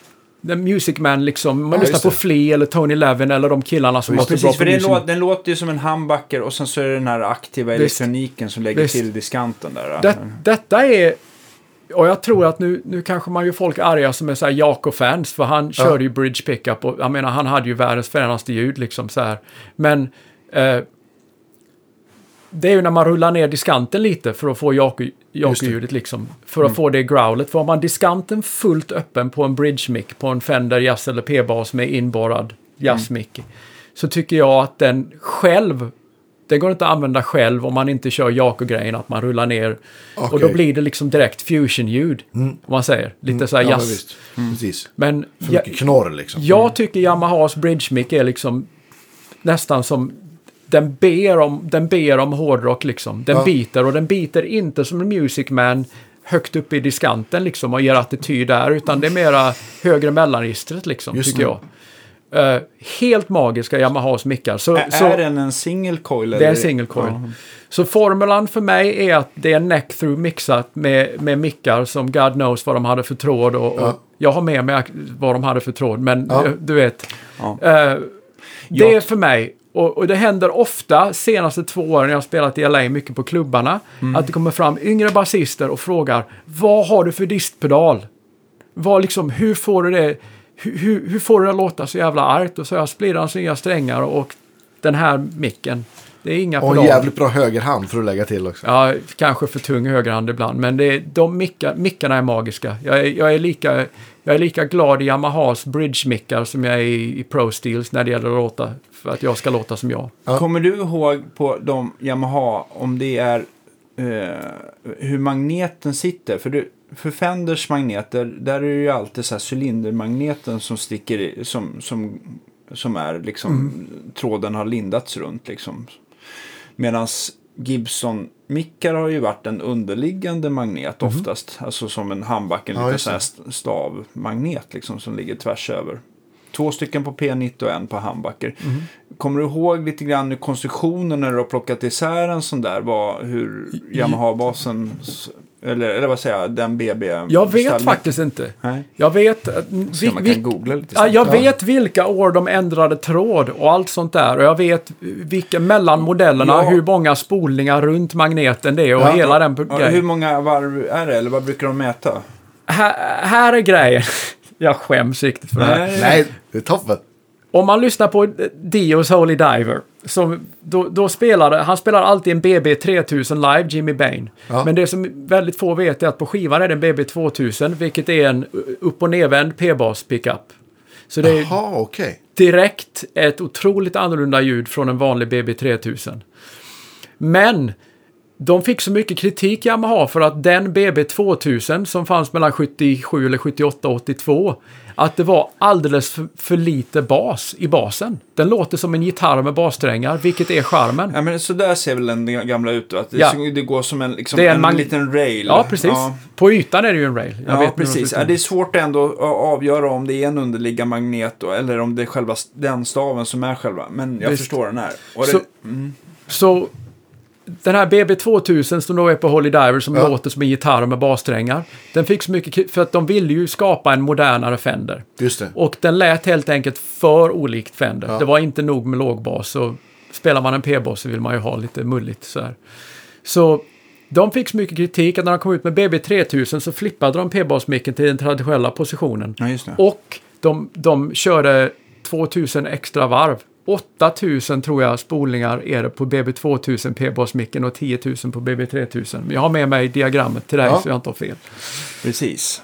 Och, ju- eh, och då är det egentligen att som P-basmicken är två spolar så är det väl eh, typ eh, alltså mm, 1500 varv mer per, eller 2000 varv mer på per, vad Ja, säger jag, inte visst. så mycket, men en 1000 varv mer per mikrofon helt enkelt. Då. Men jag är med i många så här basforum, Yamaha på Facebook och det är fortfarande många killar som köper de gamla baserna och byter mickar och jag, eh, jag tycker det är i min enkla uppfattning så är nu är ju smaken som baken alltid men att ta ur mickarna ur en gammal Yamaha då är det verkligen, Det är så stor del av soundet. det är verkligen Ja. dumt.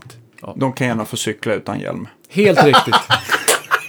Helt Precis. riktigt. Ja, men just, du, du nämnde Holy Diver. Det, är- det är ett sånt... Det är ju ett basljud som hörs, Ja, det är, en, det är en 72 SVT med en, med en, med en 82 BB 2000 utan effekter. Okej. Och eh, det fräna med BB 2000, som även att jag pluggar den rakt in i interface med plektrum, liksom, Ja. alltså rakt in i datorn, det är ju lite för snällt. Men det låter verkligen som den skivan Ja, direkt. coolt. Det är väl som man har en riktigt bra strat, stratta om man spelar riffet till Leila liksom. Ja, men är strattan bra nog så låter det ju som skivan. Ja, men lite så. Så det är ju, det är fränt. Jag är nyfiken, och även om jag vet lite så... Hur, hur kommer man liksom från... Hur är man en finnig tonåring som spelar hårdrocksband och så helt plötsligt så får man för sig att man ska flytta till USA och bli kvar där i 25 år. Och nu är jag amerikansk medborgare. Ehm, jag, som många svenskar, jag växte upp i Karlskrona som, eh, vi har gemensamma eh, musikkollegor och Ja, vänner visst. från Karlskrona. Eh, det bor musiker i Karlskrona, denna lilla stad i, i ett Hej, hörn Mats. av Sverige. Hej Mats och Svenne och Johan Glössner. Ja. Eh, det bor musiker där som spelar skjortan av många jag har varit på turné med i Nashville och spelat hockeyarenor liksom. Ja. Så jag växte upp i en stad med kanonmusiker och kanonbegåvningar. Det var alltid folk några år äldre än mig som man kunde liksom se upp till och, och alltså sån tur.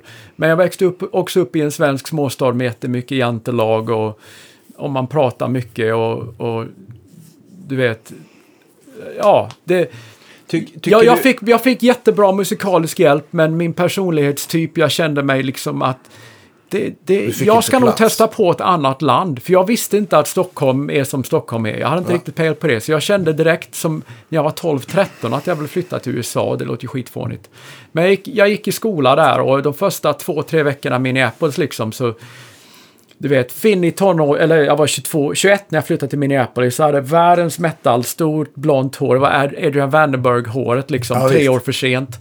Och, och liksom snakeskin boots och liksom jeansshorts. Så jag tog ju promenader i downtown Minneapolis som helt ny i USA, kände inte en jävel liksom.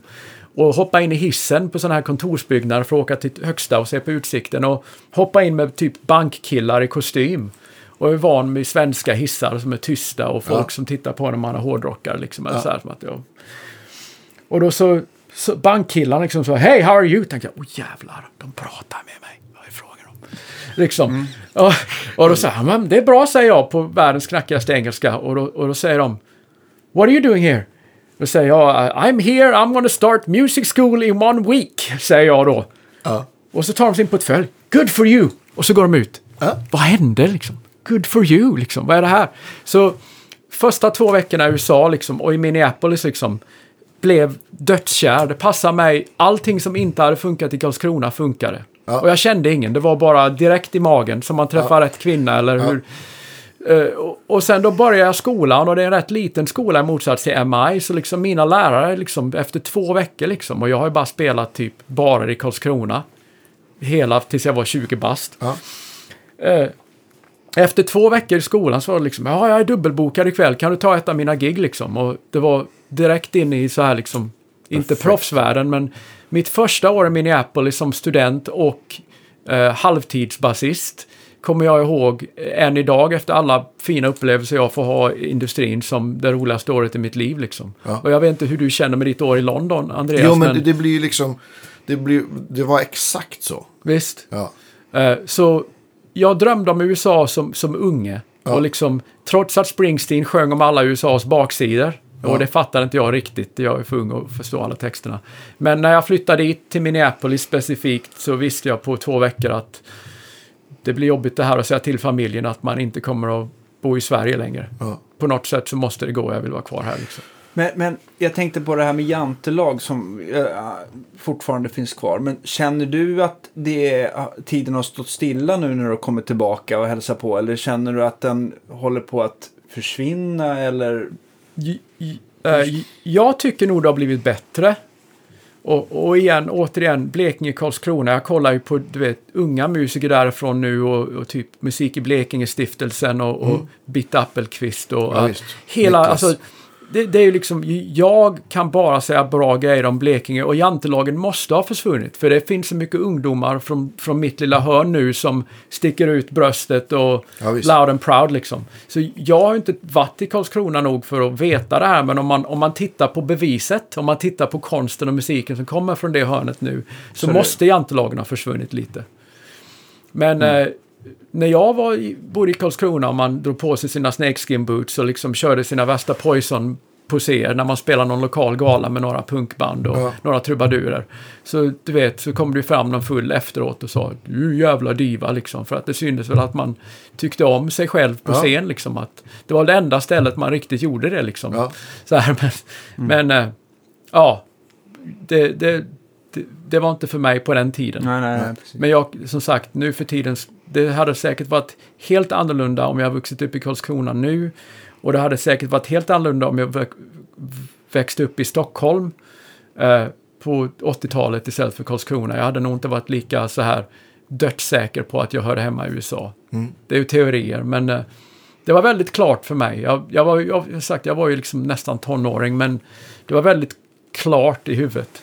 Och Jag tänker också Minneapolis tänker man ju osökt, eller i alla fall jag, osökt på Prince. Och liksom, hur, hur kändes liksom Prince närvaro i stan? magisk. Det en magisk, var en magisk tid i Minneapolis, inte bara för att jag- det gick bra med skola och gig och sånt där, utan efter skolan liksom så kunde jag gå ner och sätta mig på, på en klubb i Minneapolis och lyssna på Prince killar typ två, tre kvällar i veckan. Eller några utav hans killar. Det är helt fantastiskt. Och eh, Minneapolis nu, speciellt nu när vi sitter här och spelar in det här, så USAs rasproblem som Ja. inte, liksom, the ugly underbelly av rasproblemet i USA Ja, är ju väldigt tydligt just nu. Och när jag bodde i Minneapolis, som är en väldigt vit stad rent befolkningsmässigt, så när man gick ut och lyssnade på funkbanden i Minneapolis liksom, så var det, publiken var verkligen som man som svensk hoppades att USA var det stället på jorden där alla fick vara med. Ja. Det här låter ju skitlarvigt och naivt, Nej, nej. men med Minneapolis på 90-talet och de klubbarna och musikscenen liksom. Man kunde gå ut och höra Prince killar spela liksom och det var bara Sly Stone, Earth, Wind and Fire och det var bara glädje. Och, och, och det kunde vara ett 8-9 minuter långt saxsolo men ändå så var det massa collegestudenter på dansgolvet som att de dansade till ett coverband som spelade någon låt de kände till. Det var den perfekta mixen av konst och eh, musical indulgence Ja, mixat med att det kändes eh, relaterbart för eh, vanligt folk tror jag. Och jag kommer ihåg att det var alltid, jag såg alltid några hemlösa gamla gubbar som hade ramlat in från gatan, typ 70 bast. Och det var alltid typ tjejer som fyllde 21 och hade sin första alkoholkväll i sitt liv. Och så brukade det komma ner typ eh, stora killar från det amerikanska fotbollslaget Minnesota Vikings liksom. Och det var hemlösa, de rikaste fotbollsstjärnorna och vanliga college-tjejer i samma bar, lyssnar på samma musik och vibar på samma grej. Och Fantastiskt. Eh, bor man i en storstad i Europa som Berlin eller Stockholm så kanske det är vanligt, men i USA tyvärr så är jag inser mer och mer hur länge jag har bott i USA att det jag upplevde i Minneapolis var lite av ett unikum. Så det är ja, fantastiska minnen och och få se de människorna spela på kvällarna. Liksom. Sitter man i skolan och övar skalor och övar notläsning och sen titta på folk som sitter på en Sly Stone-låt på, på G, liksom Everyday visst. People i tio Ja, minuter. Ja. Liksom. Så man får, man får tillräckligt med grejer från de olika delarna i kostcirkeln om man säger så. My, mycket mm, well put, vad fan säger man på svenska? Ja, men en bra, bra spaning. Det, jag tror att det är en, en jättebra kombo. Att det liksom inte bara blir metronomen och, Ja, och övningarna eller play-alongsen. Utan man, att man liksom att få utsättas för musik på riktigt, höll jag på säga. Och det roliga som hände då var ju att jag växte in, det låter ju nu som jag bara var hårdrockare, men jag var ju jätte, jag har alltid varit allätare och haft mu- musikalisk ADD liksom. Jag lyssnar lika mycket på Pat Metheny och Charlie Haydens duoplatta som jag gör på Accept liksom. Jag, I like it all, så länge det liksom har en melodi så är jag med liksom. Eh, men jag brukade vara nere på de här klubbarna i Minneapolis och höra Sly Stone och höra Earth, Wind Fire-låtar som jag inte hade hört i Sverige eller spelat i coverband i Sverige. Så jag hade ingen, ingen aning vad det var. Så jag sprang ju med min lilla sura dat, DAT-bandspelare, min bootleg, Ja. till mina lärare på skolan nästa morgon liksom. Och i, och i många fall var det svarta lärare, liksom. Ja. Svarta killar. Och liksom, stort blont hår liksom. Så spelade jag liksom eh, Serpentine Fire Ja. med Earth, Wind Fire som jag inte hade hört innan. Och så här, vad är det här liksom? Ah, Serpentine Fire, så spelar de plattan för mig. Och så, så tycker jag då att, ja, men, det är inte hälften så spännande. Ja. Så jag har vuxit upp med många Stevie Wonder och, och eller, från klubbarna Minneapolis så lärde jag mig live-versionerna jag hörde Prince killar spela Just och det. deras tolkning. Och jag lyssnar på de här klassiska skivorna och tycker de är lite för, var inte lika spännande. Nej. Så jag fick mycket av den soul och funkmusiken bakvägen liksom. Han du Ja, se, eh, för jag vet väl ändå att, att eh, Prince var väl ganska spontan, och göra spontan gig och hoppa, ja, ja, Visst. göra sånt. Blev det så någon gång för dig på klubbarna där? Jag missade honom, men Ja. det var ju, han hoppade ju in jätteofta. Och jazzklubben i Minneapolis, den låg i St. Paul på den tiden, The Dakota, där hade han sitt eget bord liksom. Varje kväll var det Just det.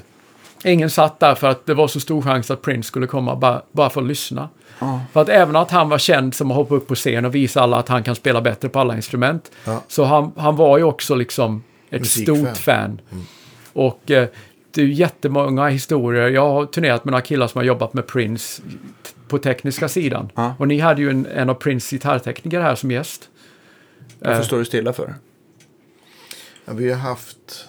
Ja, men uh, Mic Ja. Micke Svensson. Ja, men alltså jag tänkte på Peter Roth jobbar väl någon jo, gång? Peter va? Roth. Ja, visst. precis. Ja. Ja, visst. Eh, så man har hört mycket om honom, men, men det som man hörde ofta är att han sov ju väldigt lite. Han hade ju ett kort liv. Ja. Men han var vaken så många timmar att han hade nog ett rätt långt liv. Fr- Precis. Från den synvinkeln. För att i Minneapolis var han inte känd som Prince, den konstiga, excentriska konstnären. Han var känd som killen som ringde musiker fyra och fem på morgonen. Och det var ofta han ringde körtjejer, liksom. Fyra, fem, de ligger i sängen, de har två småbarn som ligger och sover och ska upp och matas vid sex. Och så ringer Prince och säger, jag behöver dig nu, liksom.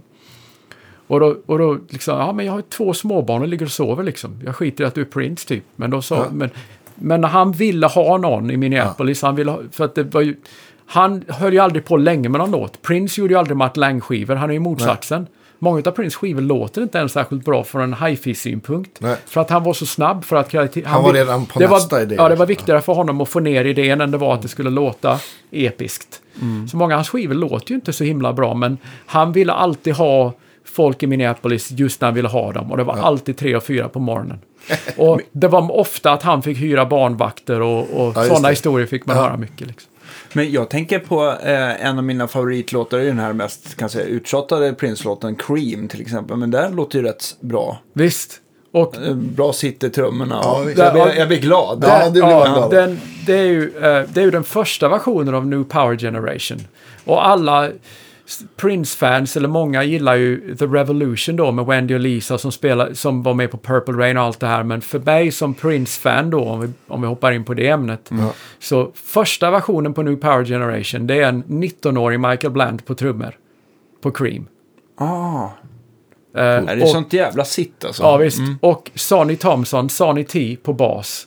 Som spelar sin upp och nervända vänster, höger-vänsterhänta Warwick Dolphin som han spelar än idag. Och han är tio år äldre än Prince och var killen som lärde Prince sina första ackord på gitarr. Ah, Så jag har ju en liten eh, enkel baspodd och där jag har haft Sonny T, killen som spelar på Cream, som gäst. Vi Och, måste länka till din baspodd och lägga ut lite avsnitt. Ja, vi den göra. händer inte så ofta, men det, det, den är skoj. Jag har har bättre gäster än vad jag förtjänar, det är jättekul. Men eh, Sonny T berättade ju för mig att han sa det att det var jag som lärde Prince E-moll 7 när han bara kunde E-moll liksom. Så liksom I källan liksom. Ja, fränt. Så det, eh, men ja, första versionen på New Power Generation, Cream, plattan som de gjorde först tillsammans, eller Diamonds and Pearls och plattan efter Gold Experience. Ja, visst. Det är mina Prince-skivor, för det är helt enkelt hans bästa band. Ja. Det smäller på bättre och det låter bättre om skivorna, du har helt rätt. Okej, men jag. het- vad heter det? För Prince gjorde, förutom sång och gitarr, alltid gitarrspelet.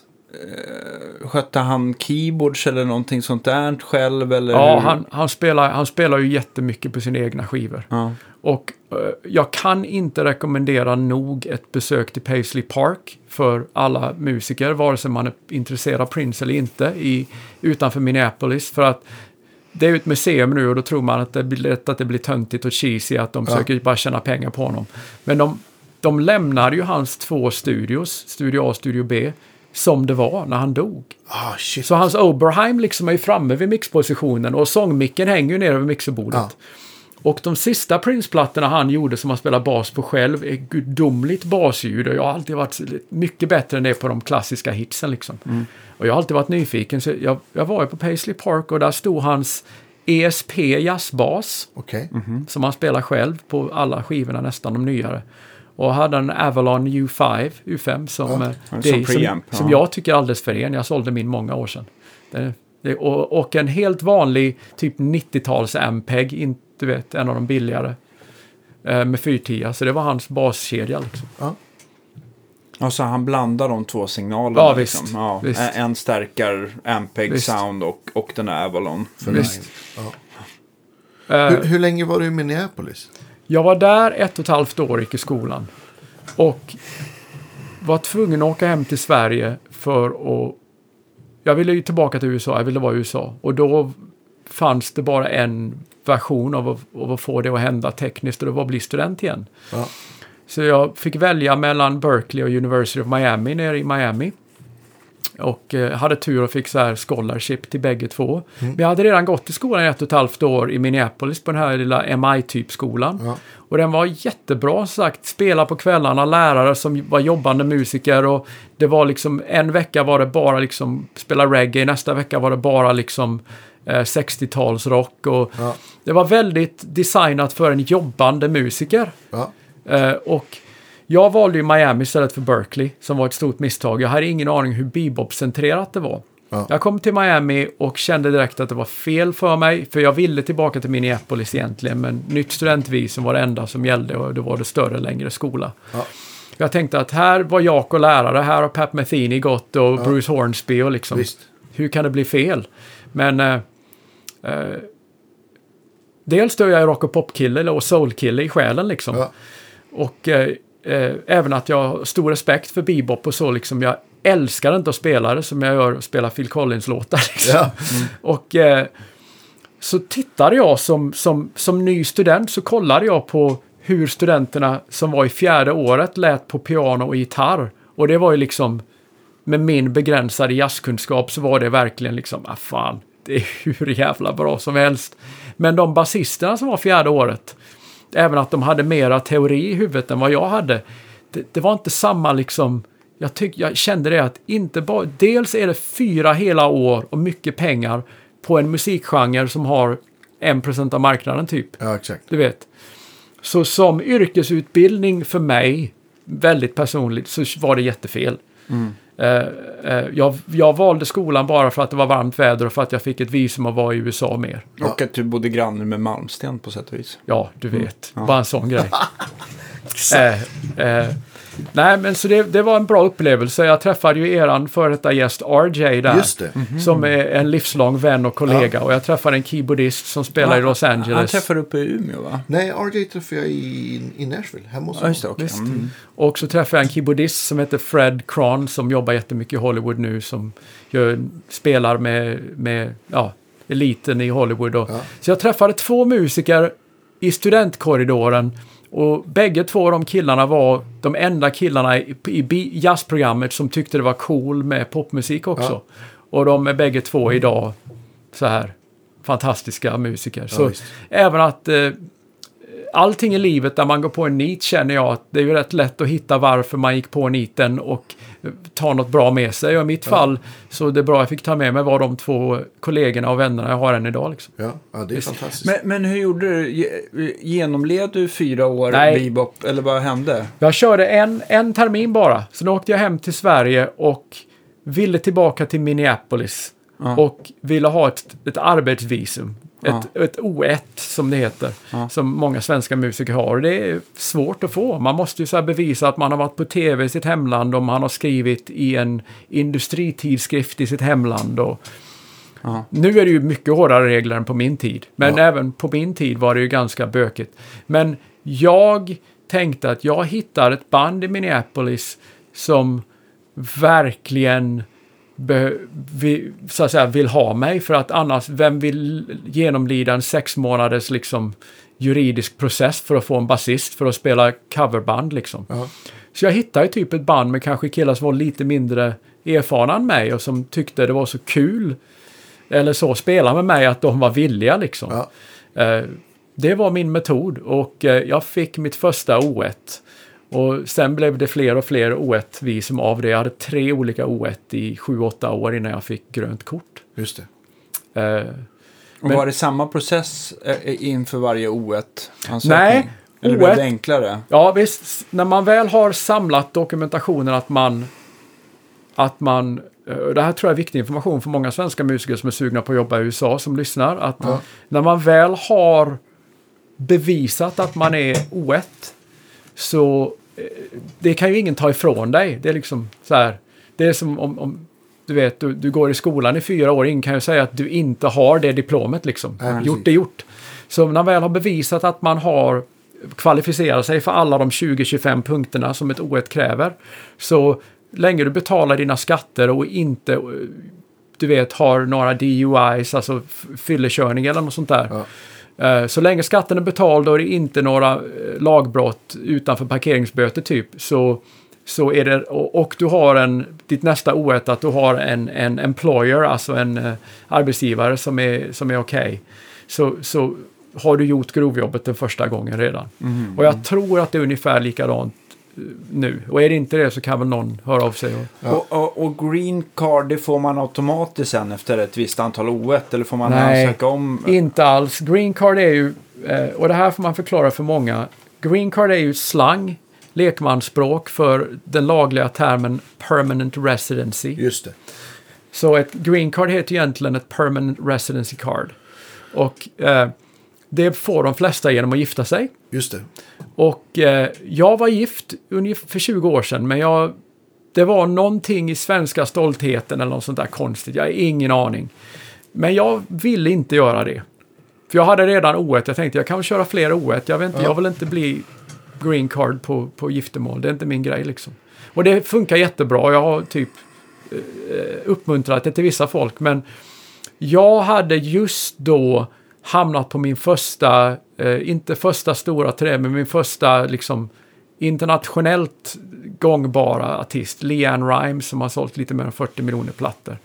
Så jag hade precis börjat jobba med henne. Och eh, jag var bra kompis med några av killarna från Shania Twains band på Come On Over Up-turnéerna. Ja. Gitarristerna, Ja. Randall Waller och eh, Brent Barkus. Så en dag så skulle de spela i St. Louis på Shanias turné. Och eh, det var ju så nära Nashville att de sket ju turnébussar och sånt där utan de tog med sig sina fruar och barn och sina egna bilar. Så jag fick hänga med till en Shania-show i St. Louis på ap- 2003 tror jag. Eller två. Och då snackade jag med hennes nuvarande kapellmästare som spelar alla, alla instrument skitbra. Han är mest känd som gitarrist nu, Corey Churko. Men Corey var violinist på den turnén. Aha, okej. Och han var från Kanada och då säger Randall, solgitarristen med Shania, sa ja, Corey är från Kanada och precis fått grönt kort. Han kanske, ni kanske har något att snacka om. Så jag satt i catering där på Shania-gigget. Och så säger Corey att det här är skitlarvigt, sa han, men jag skickar in för grönt kort för jag har liksom, vi jobbat så mycket på tv nu och liksom det är så hög profil. Ja. Eh, men jag sa att jag bad också managementbolaget om en signerad 8-10 foto liksom. Ja. Headshot med Shania och skickat till immigrationsmyndigheterna. Jag tänkte att det låter ju konstigt. Men jag hade precis gjort massa tv-jobb med, med Leanne, Tonight Show och Good Morning America och de här vanliga pratshowerna liksom. Ja. Så mellan, och äh, i USA så är ju tv mer dyrkat tror jag än här liksom. Tv är ju liksom, that's it liksom. Ja. Men jag hörde av mig till management och sa det att kan jag få en signerad 8-10 fot av Leanne? Eller turnéledaren var det väl som satt med dem varje dag på sådana här meeting. Jag sa att kan hon skriva till, du vet, till och så immigrationsnämndens, du vet. Och just då tillhörde Tennessee, Nashville tillhörde Texas intagningsområde. Jaha. Och Leanne är från Texas. Så när hon Ah. vann två Grammy när hon var 13 bast och blev världsstjärna så var hon liksom stoltheten från Texas. Just det. Så jag kommer ihåg att min advokat sa att vi kan nog skicka in att du får grönt kort bara för att du har varit i media så mycket, vilket är väldigt konstigt och ovanligt. Ja. Men min advokat, hon sa att jag tror det kommer att gå liksom. I normala fall tar det sex månader ungefär, var beläggningstiden då. Men jag betalade för lite snabbare, så det skulle ta en månad istället. Ja. Eh, Fick betala typ 1000 dollar extra för det. Och det tog 14 timmar från att hon skickade in. Från, från, från att min advokat från att min advokat skickade in elektroniskt i 2000, du vet, eller så här overnight letter liksom, det är 100 sidor, så här legal. Så tog det 14 timmar tror jag innan jag fick så här elektroniskt liksom. Good call och skicka in det kortet. Ja, så det, Ja. Det, det var kort och lite videoband på tv-shower så fick jag Ja. grönt kort. Och nu är jag medborgare bara för att gröna kortet gick ut och det kostade lika mycket typ att bli medborgare. Tänkte Ja. jag, bara slipper jag förnya varje var tionde år. Ja. Och enda anledningen till att jag kan vara här och njuta av njuta av, inom situationstecken, Ja. coronatiden i Sverige för att jag har svenskt pass och amerikanskt pass. Just det. För jag För annars hade du inte fått åka hit. Jag hade inte fått komma till Sverige utan det svenska passet. Jag hade inte fått komma tillbaka in i USA utan amerikanska. Ja, just så det. just nu så är det schysst att ha Båda två. Dubbla med. Ja, precis. Exakt. Visst. Eh, Vem är jag idag? Ja, visst. Precis. Men, men vad var Leon Rimes första så här, stora gigget du fick? För då du Eh. flyttade till Nashville sen. Jag flyttade till Nashville i januari 2000. Efter bara nio månader så fick jag mitt första gig med en artist som låg på MCA Records då Mm. och hade precis haft en nummer ett-låt som hette Shell, heter Shelly Wright. Ja. Låten heter Single White Female och låter ungefär som The Joker, liksom. Dun, dun, tsch, du, du, du, dun, Ja. Den viben. Och eh, eh, hade precis haft en nummer ett-låt och jag kände gitarristen väldigt väl. Och basisten som bara var 28-29 bass då var redan väldigt in demand. Så gitarristen sa att jag tror vår basist, han får så mycket erbjudanden om andra gig att även att det här giget är väldigt på väg uppåt och det, vi hade precis en nummer ett hit så tror jag han kommer att sticka snart. Så efter några månader så stack han och då blev jag rekommenderad till, till Shelly Wright. Mm. Jag tror Jill Johnson har gjort covers på några av hennes låtar. Ja, senare. Och då var det liksom, då åkte jag ju på det som alla gör i Nashville att har du inga namn under ditt namn? I Sverige hade jag spelat med Mats Ronander en eller två gånger i Karlskrona och, Ja. och liksom Jan Johansen och lite sådär, du vet, när vi, företagsgrejer i Karlskrona Ja. med Svenne. Och, så jag hade några så här, men det, det kan man inte komma till Nashville med liksom. Så det fanns inga namn under mitt namn. Ja. Så den basisten som var på plats rekommenderade mig och gitarristen rekommenderade mig och sa till hon, countryartisten, att var inte rädd, testa ett par gig i alla fall. Så det var första gigget och första turnébussen och första Grand Ole Opry och allting Ja. var Shelly Wright. Och eh, efter Shelly Wright så eh, fick jag ett gig med den kristna versionen på Backstreet Boys som heter, eh, heter Plus One. Just det. Och det var liksom hockeyarenor och trappor och dansare och hela pop. Det var bara liksom, jag spelade oktavpedal och slap hela kvällen. Det var Ja. bara, det var, ett, det var ett syntbasgig liksom. Det var Ja. min dröm liksom, en Ja. popturné. Men eh, Var det, var det olika, stämningar, olika stämning i turnébussen också? ja, jag satt, jag, jag är ju svensk så jag tycker att de, amerikan, de amerikanska religiösa människorna liksom, jag visste ju att jag bodde i Nashville, att jag var tvungen att spela efter reglerna, men det var ju ofta så här liksom, och de var ju typ 18-19 bast, de här superstjärnorna, de var ju Ja. barn liksom, jag var 29. Så det var ofta jag drog på så här Playboy-kanalen och softporr på turnébussen när de kom på bara för att de skulle liksom bli rädda att de skulle, deras karriär skulle försvinna. Jag blev inte sparkad. Eh, Fantastiskt. Men det var, det var i två år det gigget. Och, eh, eh, så jag hade turnerat på, man säger, större turnéer i tre år när jag fick erbjudandet med Leanne Rimes. Och hon Ja. hade precis gjort eh, den här Coyote Ugly-filmen med ju- Can't Fight the Moonlight Precis. och alla de här poplåtarna på. Det blev ju sjukt stort. Och precis efter den filmen och det soundtracket blev jättestort så gjorde hon en popplatta med Desmond Child. Och jag är ju ett barn av Bon Jovi och alla Ja, de visst. här. Så Desmond Child för mig och jobba med en artist som har en Desmond Child-platta tyckte jag okej, det var... Så Bucket list liksom. Ja, så det var mitt första stora gig och då var det ju direkt allting så här från småstadspojkdrömmen var ju liksom första två månaderna liksom. Först, andra giget med Leanne Rimes var ACM Awards i Las Vegas. Ja. Och då var det, kom vi tillbaka till den här jag spelar inte kontra-historien. Vi har, varit, vi har repat i tre veckor i Nashville. Och, jag, är det, och liksom det är bastekniker och fantastisk lön och alla är supersnälla och det är liksom, jag nyter mig själv ja. Får- hela får, tiden. Får man fråga så här, vad, är- vad, är- vad kan man förvänta sig som... behöver inte säga vad du tjänar exakt, men vad är liksom en, en bra lön för ett sånt typ av jobb som, som, eh, som musiker i ett sånt band eller på turné? Eh, då i 2003, när Ja. hyrorna i Nashville låg på 3-4 tusen kronor i månaden. Ja, Liksom ingenting kostade någonting i Nashville då. ja. Så hennes lön var typ runt det sexsiffriga strecket i dollar. Ja.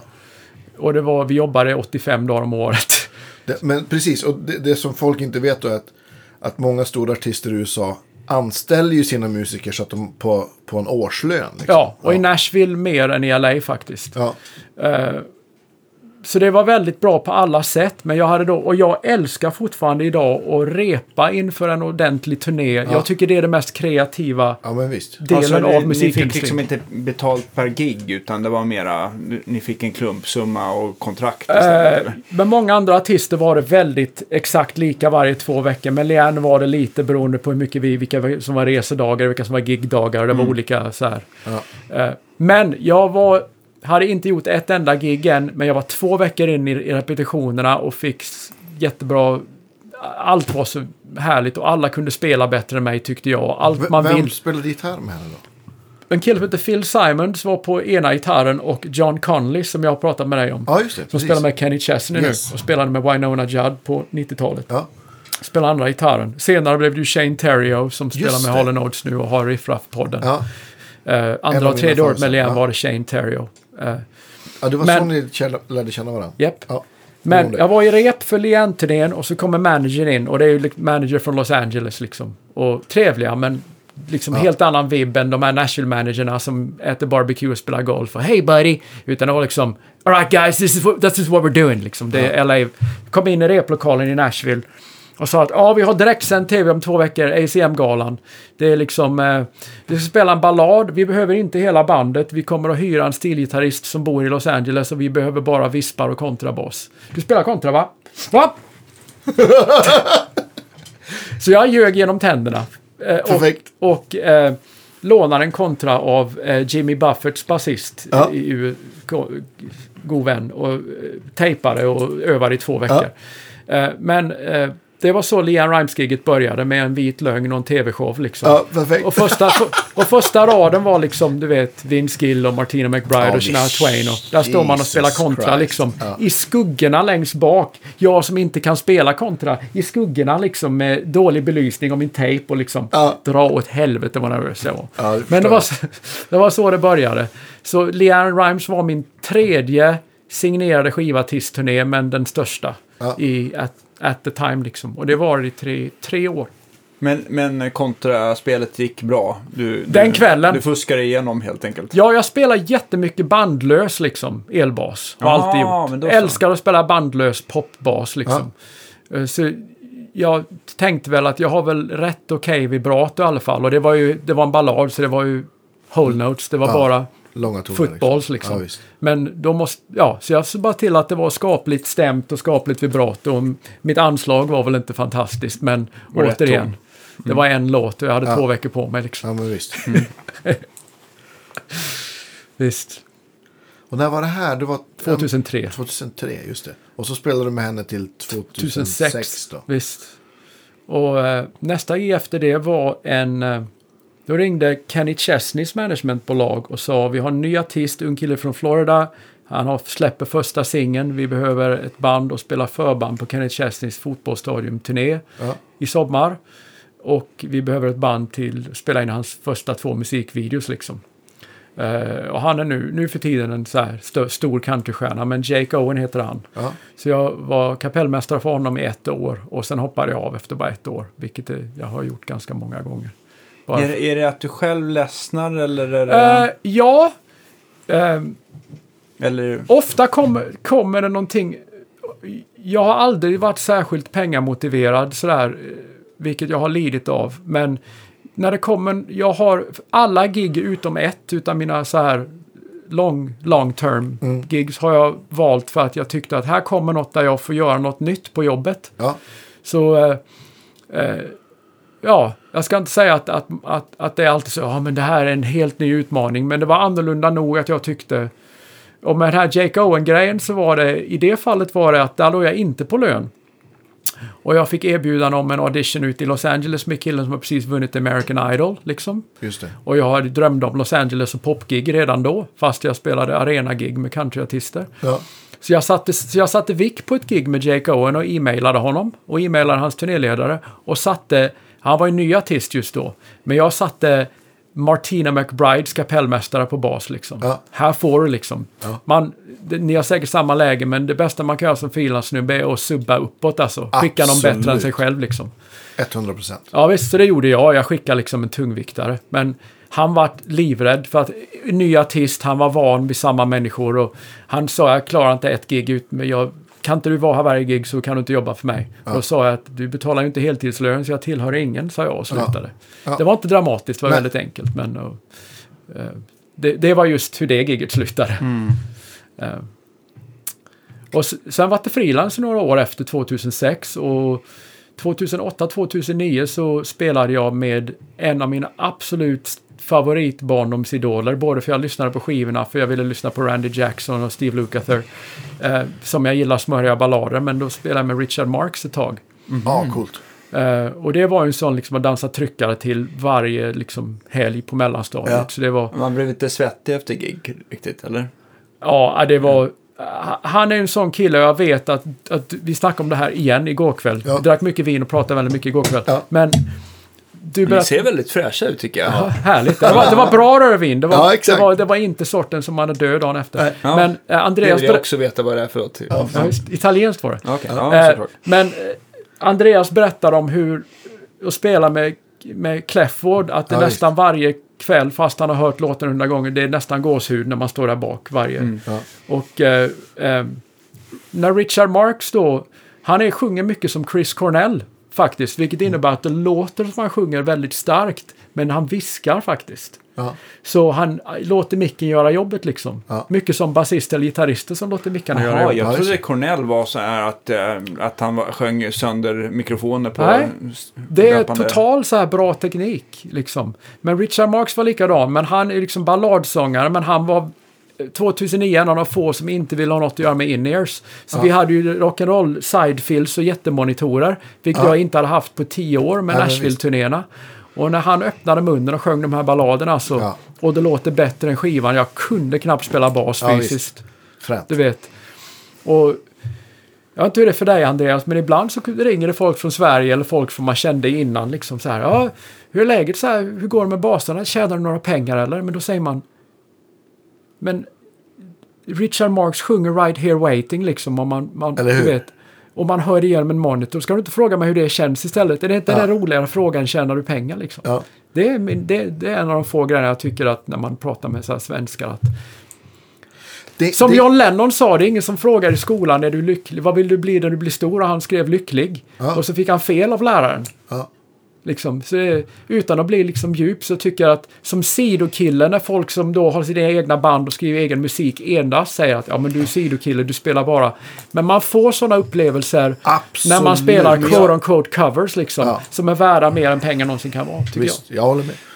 Ja, men jag, jag förstår och jag tänker nog lite så själv. Men jag tror att man är så himla nyfiken också på hur det funkar någon annanstans som man inte har, där man inte har varit också. För man är, jag känner så här nyfiken hur det liksom, alltså det är ju så himla intressant och Ja, hur, hur upplägget är och Jo. vad som skiljer sig mot Ja, här. precis. Och, ja. Men bara den här grejen att, att liksom gå, gå på lön. Det är ju, Sverige är ju ett för litet land. Så att det går liksom... Så det är ytterst få artister som skulle ha råd att ha liksom Nej men det är ju de band här större, ja jag tänker på Opeth och... och Ja men precis, ja men, de- jo, men de exakt, ja, men de är ju ett liksom. internationellt stort band Precis. liksom.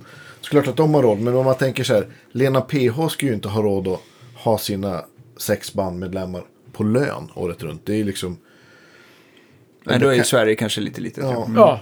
Nej, Men, men, vem alltså- vet, hon kanske har det så. Men, men ja, eller så inte. nej det tror jag inte. Mm. Men de sista fyra, fem åren i Nashville när jag låg på lön, det var inte så att, jag, att det var viktigt för mig att det var, skulle vara mycket pengar. Jag var, bara, jag var bara riktigt trött på att vara riktigt rik på somrarna och snål på vintrarna. Ja. Jag helt enkelt, jag, jag, jag sa till managementbolaget, och sa vi har aldrig haft någon på lön förut, men vi vill ha det i bandet. Och sa ja, men tänk så här då. Tänk att vi spelar 100 gig i år och de flesta är på sommaren. Räkna ut hur mycket ni betalar mig för den här summan per gig. Och så delar ni upp det på ett år och ger mig, och ger mig samma varje två veckor. Så jag kan liksom sluta tänka Ja, och sluta vara korkad. Ja. Så jag, när jag bad om lön på gig som inte hade lön så var det mer för att jag inte litar på mig själv med stålar liksom. Lite. Men de gick med på det i alla fall. Ja, visst. det var en bra lösning. Ja, visst. Så man, och det, där hjälper åldern lite tror jag, att man, är, att man inte, liksom, för jag, Men du har bränt dig, bränt dig själv ekonomiskt så många gånger så att du... dels det, Ja. ja. 115 procent, men att, att man liksom, Det blev många BB-basar under sommartid som inte ja men det är mest på senare tid, och de har varit bra affärer, de går ju upp i värde. Allt ja, annat ja, jag köpte på den tiden gick ju ner i värde. Ja, ja visst. Ehm, Men, men, men eh, om det, om det varit så att du har bränt... Eh, jag, jag är också så här lite dålig på att hushålla med pengar. Jag har också blivit bättre på det givetvis. Men, men, eh, men nej, jag förstår verkligen det problemet att det kan vara rätt... Det kan, det kan kännas som en, en tyngd släpper från sina axlar. Att man, att, man, att man känner att man har säkrat upp och Ja, men inte, inte behöver Ja, tänka men, så. men det är som, som Andreas säger, det är en, eh, det är en, av- det är en av, av fördelarna med Nashville. är Att även att man spelar, att det är liksom Weekend Warrior, det fungerar mycket som tror jag, svenska dansband, att man är Ja. ute på helgerna liksom. Så, eh, så det, det är mycket familjetänk i musik och turnéindustrin i Nashville. Det är byggt för att man ska ha ett normalt liv Just det. tror jag. Liksom, Medan New York och LA och rock, popstäderna och Atlanta, hiphopstaden. De turnéerna så slänger de massvis med pengar efter i några veckor liksom. Och sen är det liksom även att man är liksom oh we're, we're buddies for life, we tour together. Så kan det vara inte en dollar på tre år och så ringer de igen och slänger massvis med pengar. Och Ja. jag tror att eh, eh, jag tror att ja, jag, jag, jag har ju sett jättemycket vänner i Nashville som har fru, barn och bor i förorten och lever inget lyxliv men lever ett extremt quote on quote liksom normalt liv. Ja. Så jag tror att rent ekonomiskt det sättet Nashville turnerar på även ifall det inte handlar några jättepengar. Så jag har inga barn och, och lever inget så normalt liv tror jag. Men vill man ha det så är det jättebra att vara musiker i Nashville. Jät- Ja, då- Verkligen. Kan du liksom vara ledig på veckorna eller kanske spela Ja på Broadway eller göra någon session eller Ja, och visst, annars vara med det- din familj. Precis, och jag vet, Ja. många, jag vet många killar liksom som jag var på turné med, som var borta från sin fru typ tre fyra dagar, tyckte ja, det ska bli jättekul att komma hem till frugan liksom. Och det var, de sa att det hjälper äktenskapet att ha tre fyra dagar ihop och man uppskattar verkligen de dagarna. Och, och jag såg också hur bra föräldrar de var. Liksom. Ja. För många kontorssnubbar i USA jobbar ju längre än åtta timmar, typ tio timmar med korta lunch. Och, de sticker hemifrån åtta på morgonen, kommer hem vid sex på kvällen, sju och är väldigt trötta liksom. Ja. Medan mina musikerkompisar är helt borta tre dagar i veckan. Men de fyra dagarna de är hemma så är det kanske någon, en eller två sessions, annars är det bara hämta barn, lämna barn, gå Laga på mat, fotbollsmatchen. ja, verkligen vara med barn alltså. Eh, Även att jag inte liksom valde det livet så är det jätteimponerande i Nashville hur det livet är uppmuntrat och supportat om man säger så. Ja, det är coolt. Ja visst, verkligen. För, för det är verkligen, men jag kan tänka så här. Sommartid kanske det är lite längre turnéer än, än bara torsdag, torsdag, fredag, lördag eller fredag, lördag. Ja, absolut. Då kommer det ett par, Med två, tio dagar eller två veckors Ja, sådär Ja. standard. Men eh, Och vissa, stö- vissa större artister, då spelar det väl ing- det drar väl folk oavsett om de spelar på en måndag eller Precis. på... Ja. Men det är ju så, nästan lite tyvärr tycker jag då som, som älskar att spela live, men folk som spelar med Brad pa- kompisar med Brad Paisley, Keith Urban och, och Carrie Ja. Underwood. De gör ju ofta så här 40 gig om året. Stora gig, mycket pengar-gig, men liksom Det är ganska lite. jag tycker också det. Fan, liksom. jag, tycker, jag tycker är man Keith Urban och Brad Paisley, man gillar att spela gitarr och gillar att stå på scen liksom.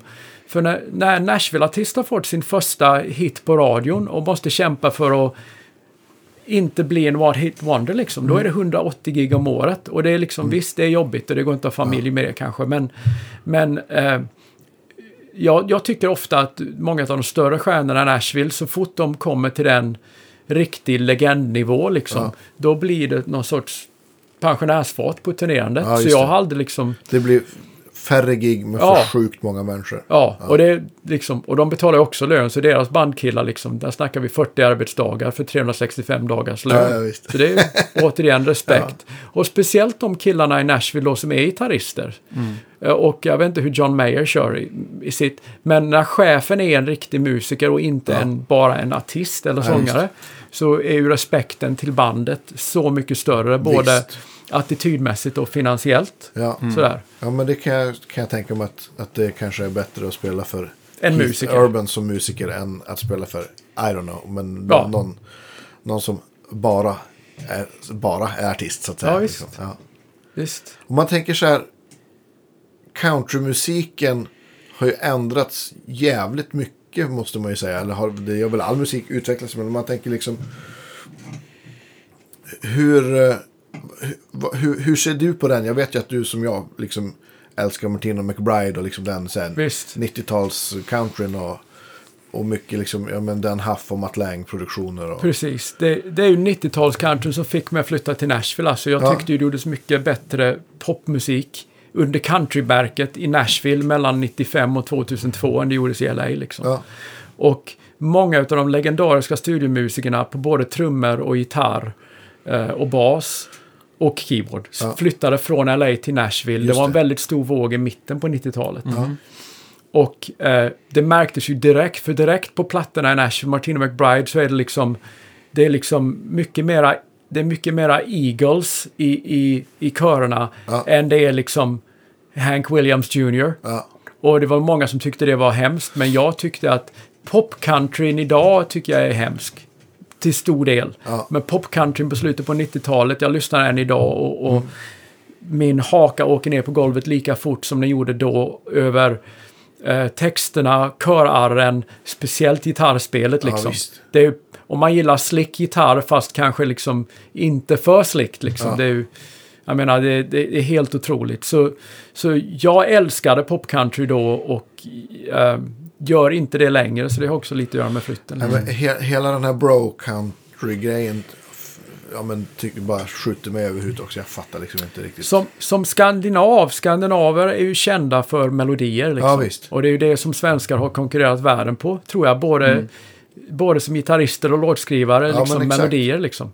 Och eh, bro-countryn, eh, melodierna är, i, ifall de finns alls så är de väldigt linjära. Det är bara ett och flat three hela tiden. Liksom. Ja. Och, och, och lyssnar man på de här Martina McBride-plattorna från 98-99 med, Det är riktiga låtar. Liksom. ja, det är alltså melodierna, det är liksom Melodierna är utan, utan, utan att, att, att, svära i Sverige liksom. Det är ibland, ibland i sina ljusaste stunder så ligger det åt ABBA-hållet liksom. Ja. Både körmässigt och melodi, Ja. eh, kompositionsmässigt tycker jag. Nej, men det, och det, eller det, nu seglar jag iväg från ämnet här, men det tycker jag känns att, det, jag kommer inte ihåg vem jag pratade med idag, men, men det känns lite överlag som att mycket pop, popmusik och kanske mycket hiphop är ju liksom världens största och alla vari varianter av hiphop, trap, whatever. Men det känns lite så här harmoniskt och melodiskt utarmat tycker jag. Nu låter jag som en jävla gubbe här, förlåt. Men, men Ja, och allting går ju i cykler så jag hoppas att det kommer tillbaka. För jag är också en sån. Jag gillar ju liksom melodier och, och låtar liksom. Så att, ja, jag vet inte. Totalt, totalt sidospår här. Ja, visst. Ja, men, eh, den, den musiken som fick mig att flytta till Nashville, folk, folk tror ja men du är ju så här rock, pop, hårdrockskille liksom. Hur, Ja. Men alltså från ren bassynpunkt, det jag har gjort i 20 år i Nashville, det är hälften Bon Jovi, hälften Fleetwood Mac Ja, på bas. Ja. De två banden. Det är 70-tals singer-songwriter-pop och lätt 80-tals pop-metal. Ja, Det är basen i modern country. ja, Så jag, om någon trodde jag behövde ändra min stil för att spela Nashville-musik så givetvis har Nashville lärt mig massvis om gammaldags countrybas. De få gångerna jag spelar med det och notvärden och, Ja. och de, som, de som gör narr av typ dunk, dunk, de, du vet, du spelar ju själv sånt på gitarr. Du Ja, vet just. ju hur mycket som går in. Skärgårdsbas. Ja, visst. exakt. visst. Eh, kvintbasens tjusning, som jag brukar säga. Ja. Den är fin. Eh, Ja. eh, men 99% av tiden jag spenderade i Nashville så spelade jag Fleetwood Mac eller Bon Jovi-bas. Och det, Ja. jag tänkte aldrig att nu spelar jag country liksom. Nej.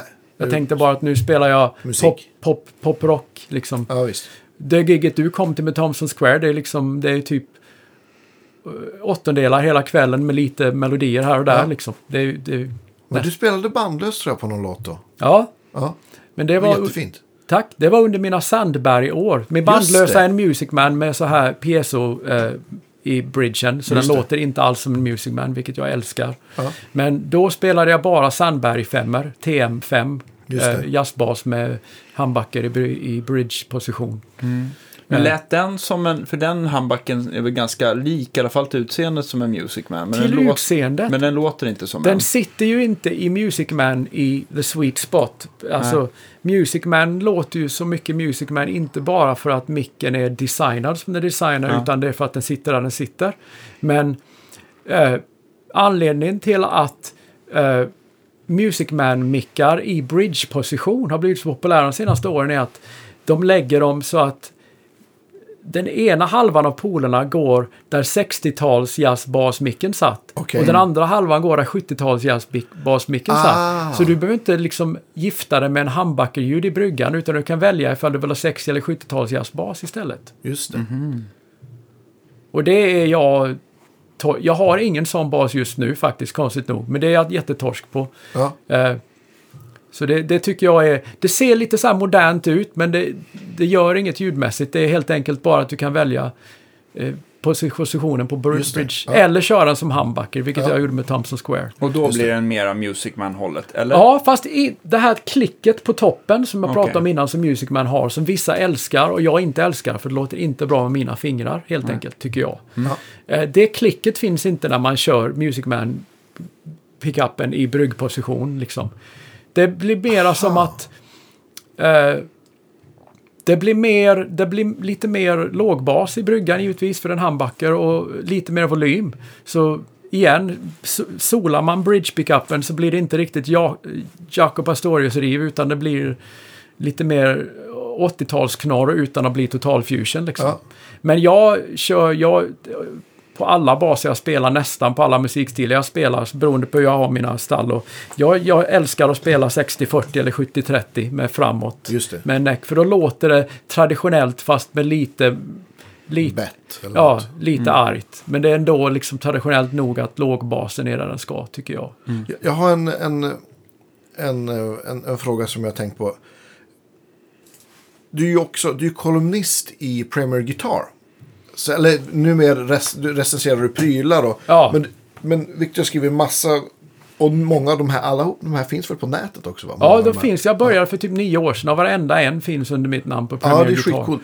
Och jag, jag har inte läst alla, men jag har läst ganska många. Och, och en av dem handlar om... Ja, men du... Du liksom skulle kasta ihop bandet till Thompson Square, för du var kapellmästare. Ja. Och så liksom... Och, så, ja, men, och, och det var ju det bandet som jag såg med... Med... Ja, men med dina två pool. RJ och Anthony på gitarr. RJ och Anthony på gitarr som är komplett olika, men båda helt fantastiska. Ja, den, är, den, är, den ena är liksom slick och den andra är liksom Yngwie Malmsteen och rockabilly samtidigt. Ja, visst. Eh, det, ja, det, ja, ja, det, ja, hakan, droppa hakan varje kväll med de två killarna Ja, men på det gitarr. Var, verkligen.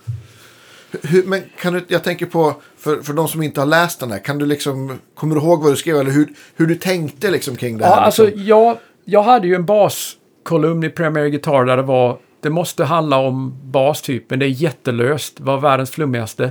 Så det första året så skrev jag precis allt det jag liksom känner, det här som jag har snackat med er om att spela live med ljusare ljud än man gör i studion och Ja, typ hur bra 72 ampeggen låter och allting som jag gillar att prata om var jag ju klar med de första tio månaderna typ. Ja. Sen var, hade jag ingen inspiration, jag visste inte vad jag skulle beskriva om längre.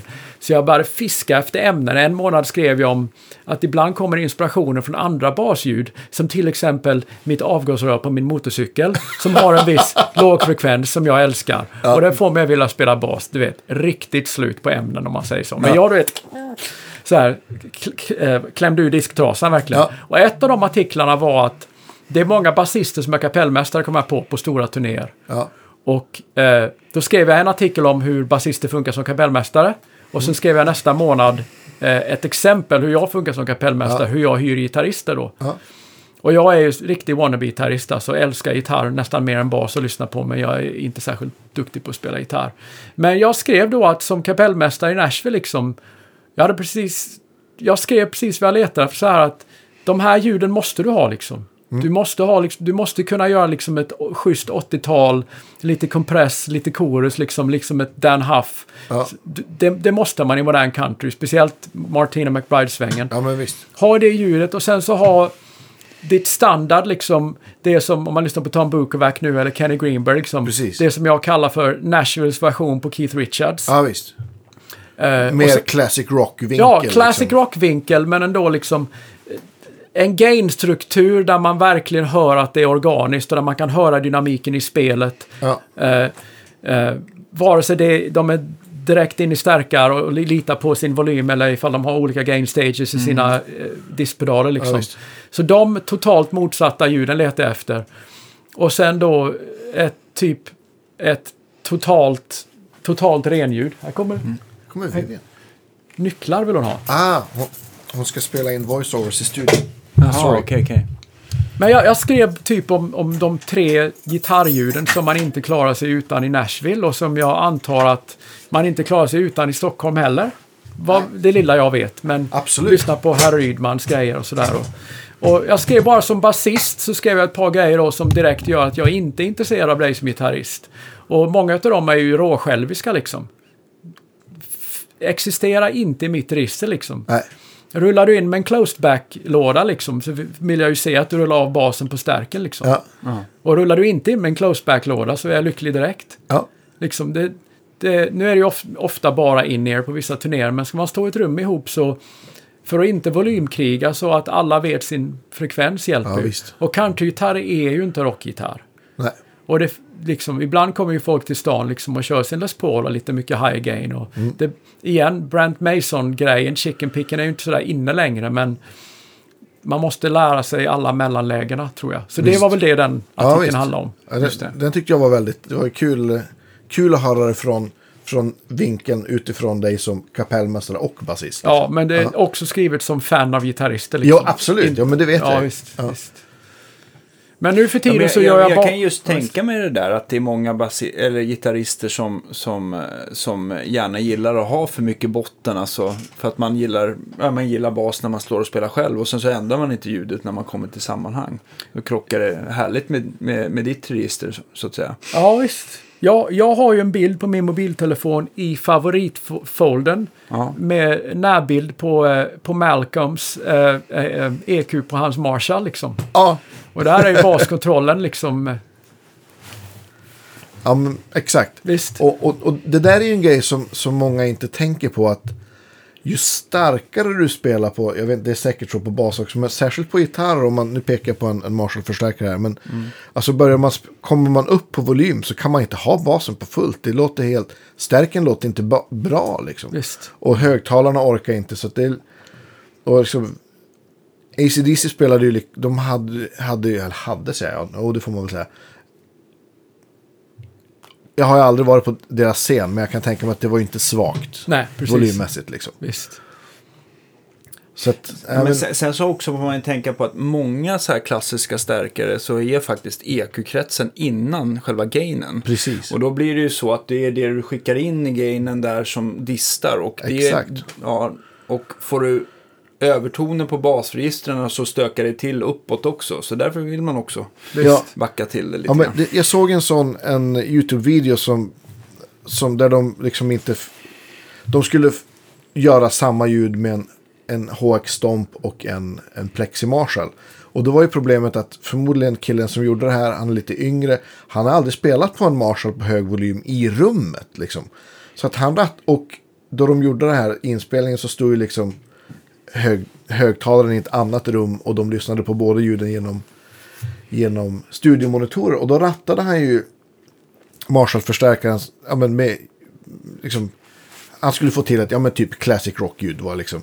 men, men så det är mycket bas med, då man spelar så där starkt för att få liksom, den typen av ja, men, Malcolm eller All Right Now. Eller, ja, det finns ju många exempel som helst. Man kan inte ha så mycket bas. Så det, det blev...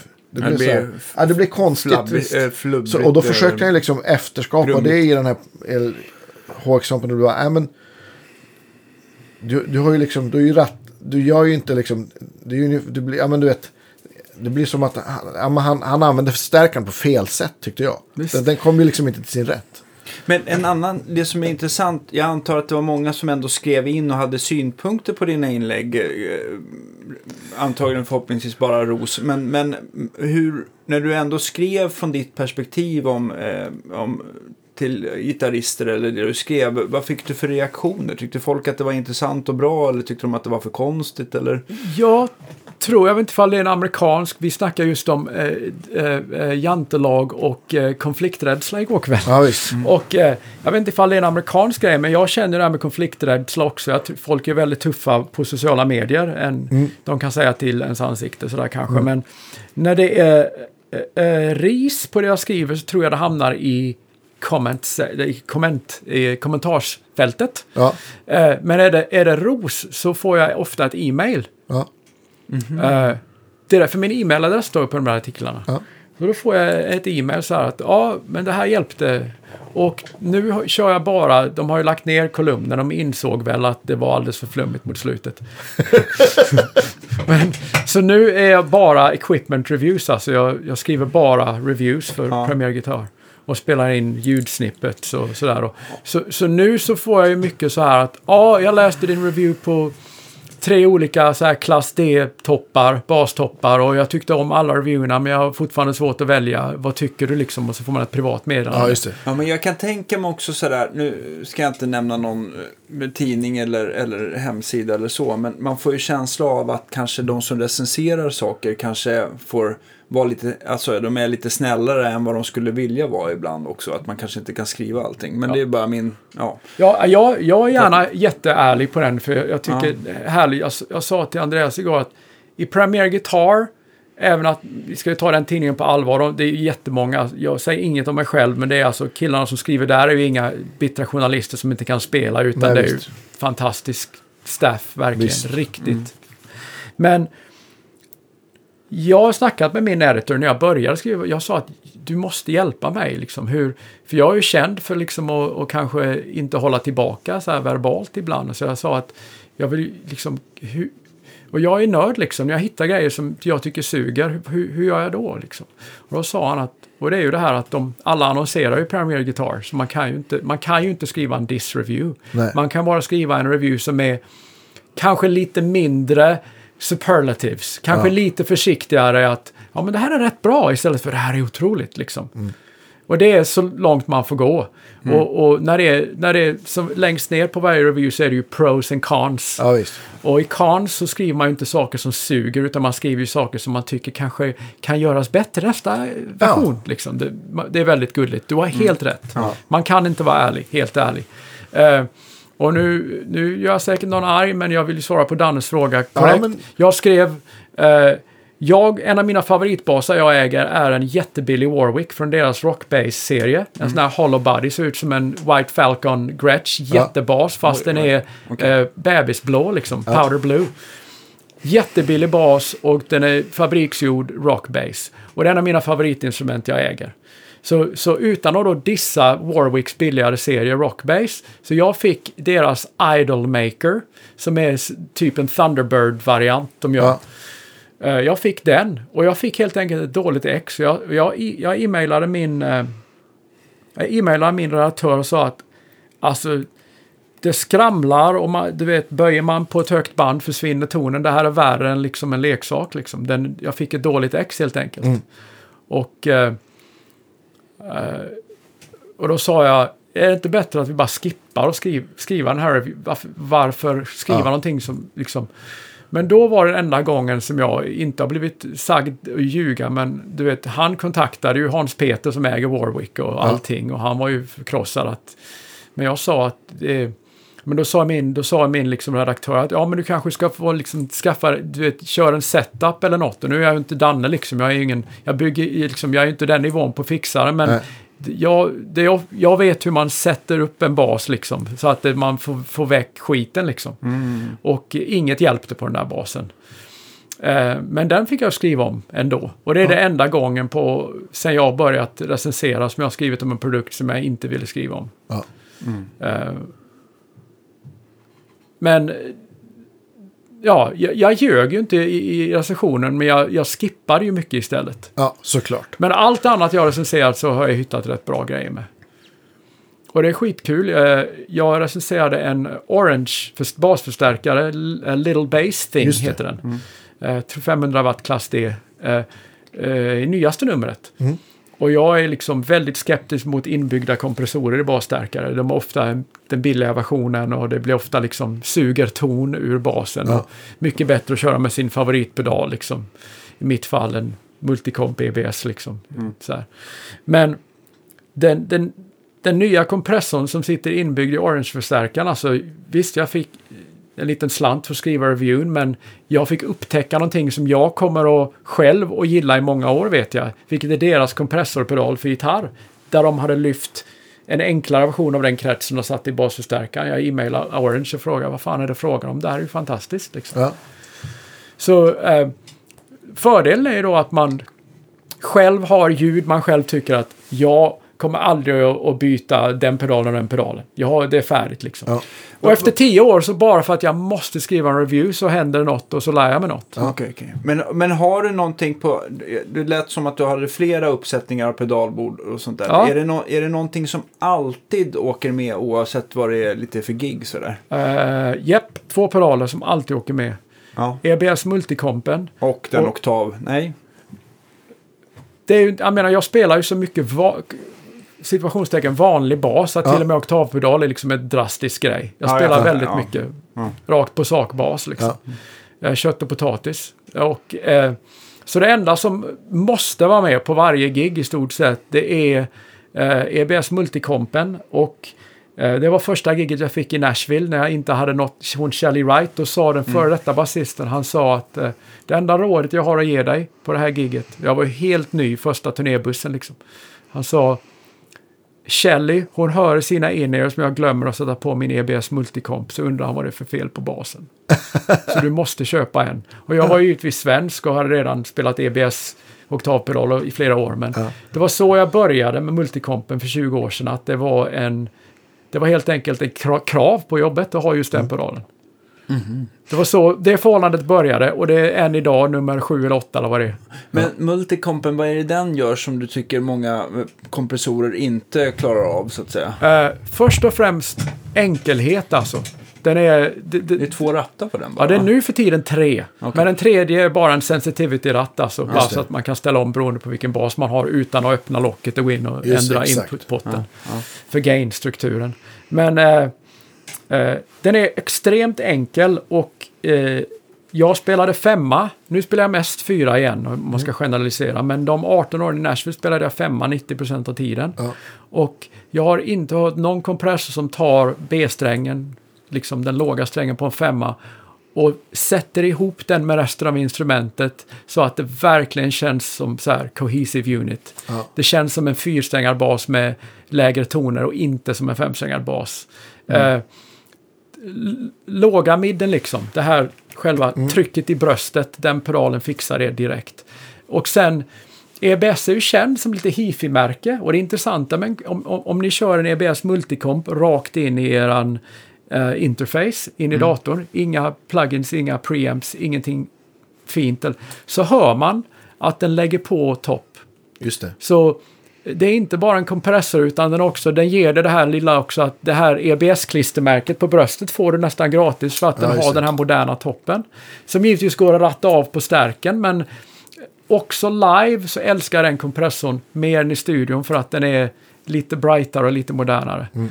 Men just det att den är så svinenkel alltså. Det går inte att misslyckas med den, med något instrument.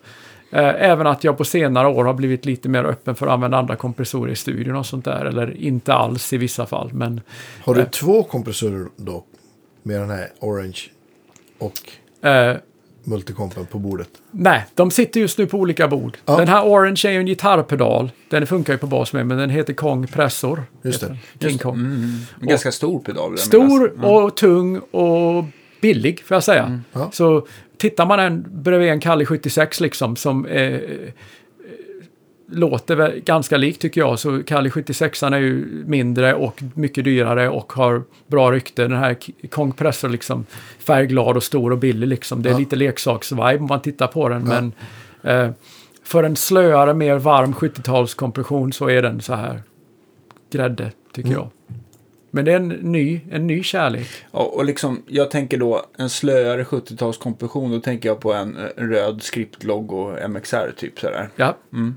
Och man, du vet, riktigt spela en riktigt krämig ballad när man vill att elbasens helnoter ska kännas mer som en syntbas. Alltså att anslaget, trycka ner anslaget Ja, och, och verkligen eh, slöa upp releasen så att istället för att spela boom så får man en boom som håller ner en syntbas Ja, nästan. ja. Och det har aldrig så här varit en grej jag har lekt med för så länge jag har spelat. Men nu tycker jag det är skitkul att försöka Ja. sätta balladkompression snyggt på Ja, pedalbordet liksom. Mm. Även om jag måste böja mig ner in för bara den låten. Liksom. Men den Orange-pedalen den har attack och release. va? Yes, Precis, vilket gör att då kan man ju liksom eh, kan man ju ändra det där utifrån. visst. Vad man vill ha. Men Om det alltså- ska vara rapp, plektrumattack eller Visst. långa eh, Och, diamonds. och jag ser inte den som en konkurrent till EBS ens en gång. För EBS gör, den kompressorn gör någonting som ingen annan gör. Nej. Den är, jag tror den är inte ens meningen att låta som Kali 76 och som precis. MXR. Och liksom, den är sin egen grej. Ja. Så det är ju många gitarrister som kör den också. Ja, det vet jag.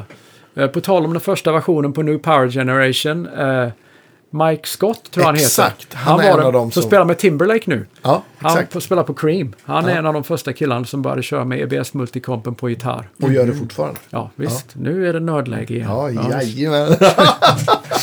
och man, jag tänker så här. Mm. Förutom det mest uppenbara, men så här, arbetsklimatet som musiker, Nashville kontra LA.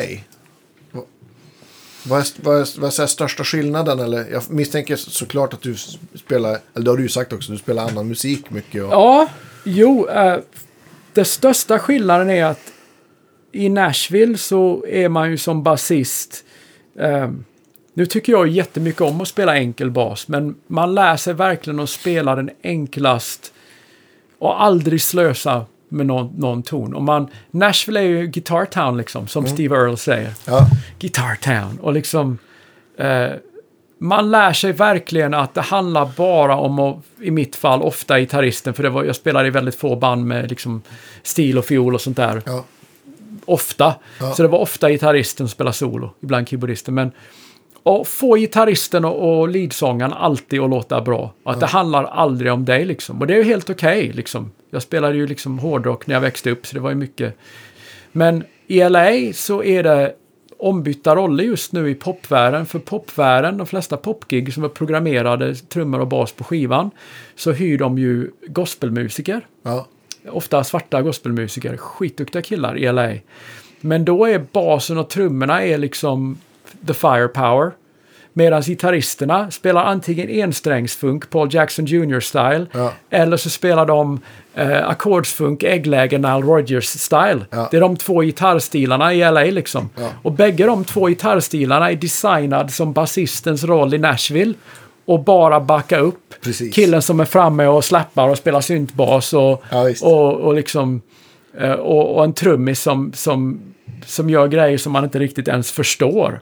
Ja. Och ändå svänger det. Ja, Så visst. jag har fått ta fram mitt tonårsego det här och gå fram fr, längre fram på scenen och På med spela. snakeskin-bootsen igen. Och, Precis! Ja. Ja. Det är lite mycket så här. Ja. Men det är lite mer ta större plats både som performer och inte så här spela massvis med noter. Men liksom var inte rädd för att slänga in det du hör i huvudet liksom. Mm. Du kommer inte att få sparken av ett eller två licks. Så jag har verkligen fått eh, ställa om i LA min, eh, hur jag ser på mitt instrument liksom.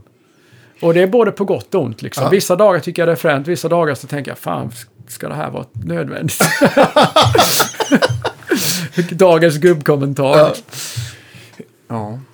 Men LA som man, du har ju, du har ju sagt till, äh, du sa ju innan här att det har varit så himla skönt att ha äh, våran podd för att det har varit väldigt mycket bilköer och sånt där. Ja, visst. Det är, hur, hur har gigsen sett ut så här äh, i LA? För att jag antar att det är sådana det är stora avstånd, det är en jättestor stad, det är Ja. bara bil som gäller. Visst, jag, jag spelar ju ett par coverband som jag tycker är skitroligt liksom. Ja. Eh, och då spelar jag jättemycket i San Diego och Phoenix. Och San Diego tar ju bara två, två och en halv timme med egen bil från LA.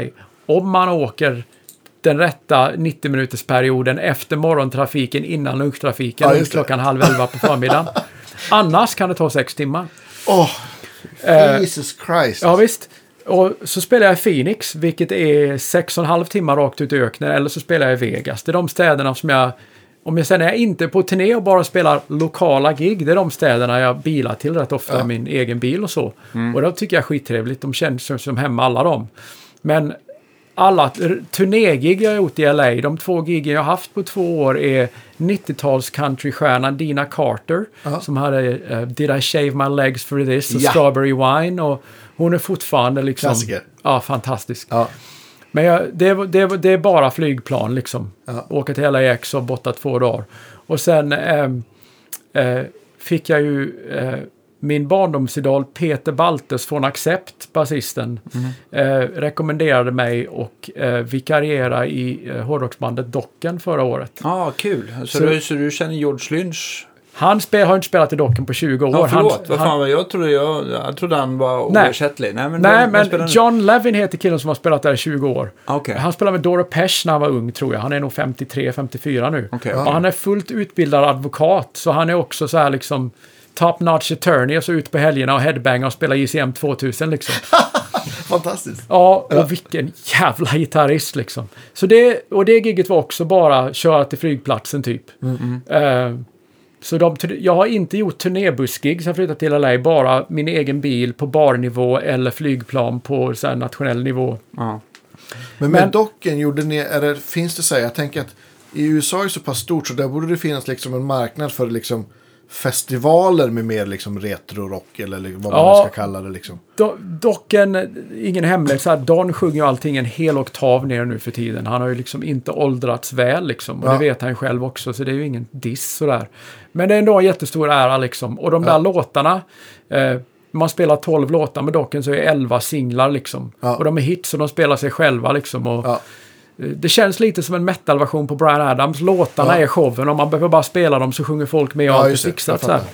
Eh, Men eh, docken, eh, erfarenheten var väldigt frän om man jämför med Nashville-läget. För i Nashville-läget när vi körde flyggig så hade ju gitarristerna ofta så här, ja, typ AC30, liksom matchless på, list, på sin flyglista eller typ Fender Twin eller en Vox liksom. Och det fanns alltid något och det var alltid okej. Men Nash, det liksom, och, eller så hade de liksom line, Line-lösningar. Ja. line-lösningar. Eh, Så gitarristerna i Nashville var väldigt sällan jag såg dem vara väldigt petiga med flygear för det är, liksom, det är flygdatum. Allt är, eh, vad heter det, förväntningarna är nedsatta. Ja. Men med docken med John Levin.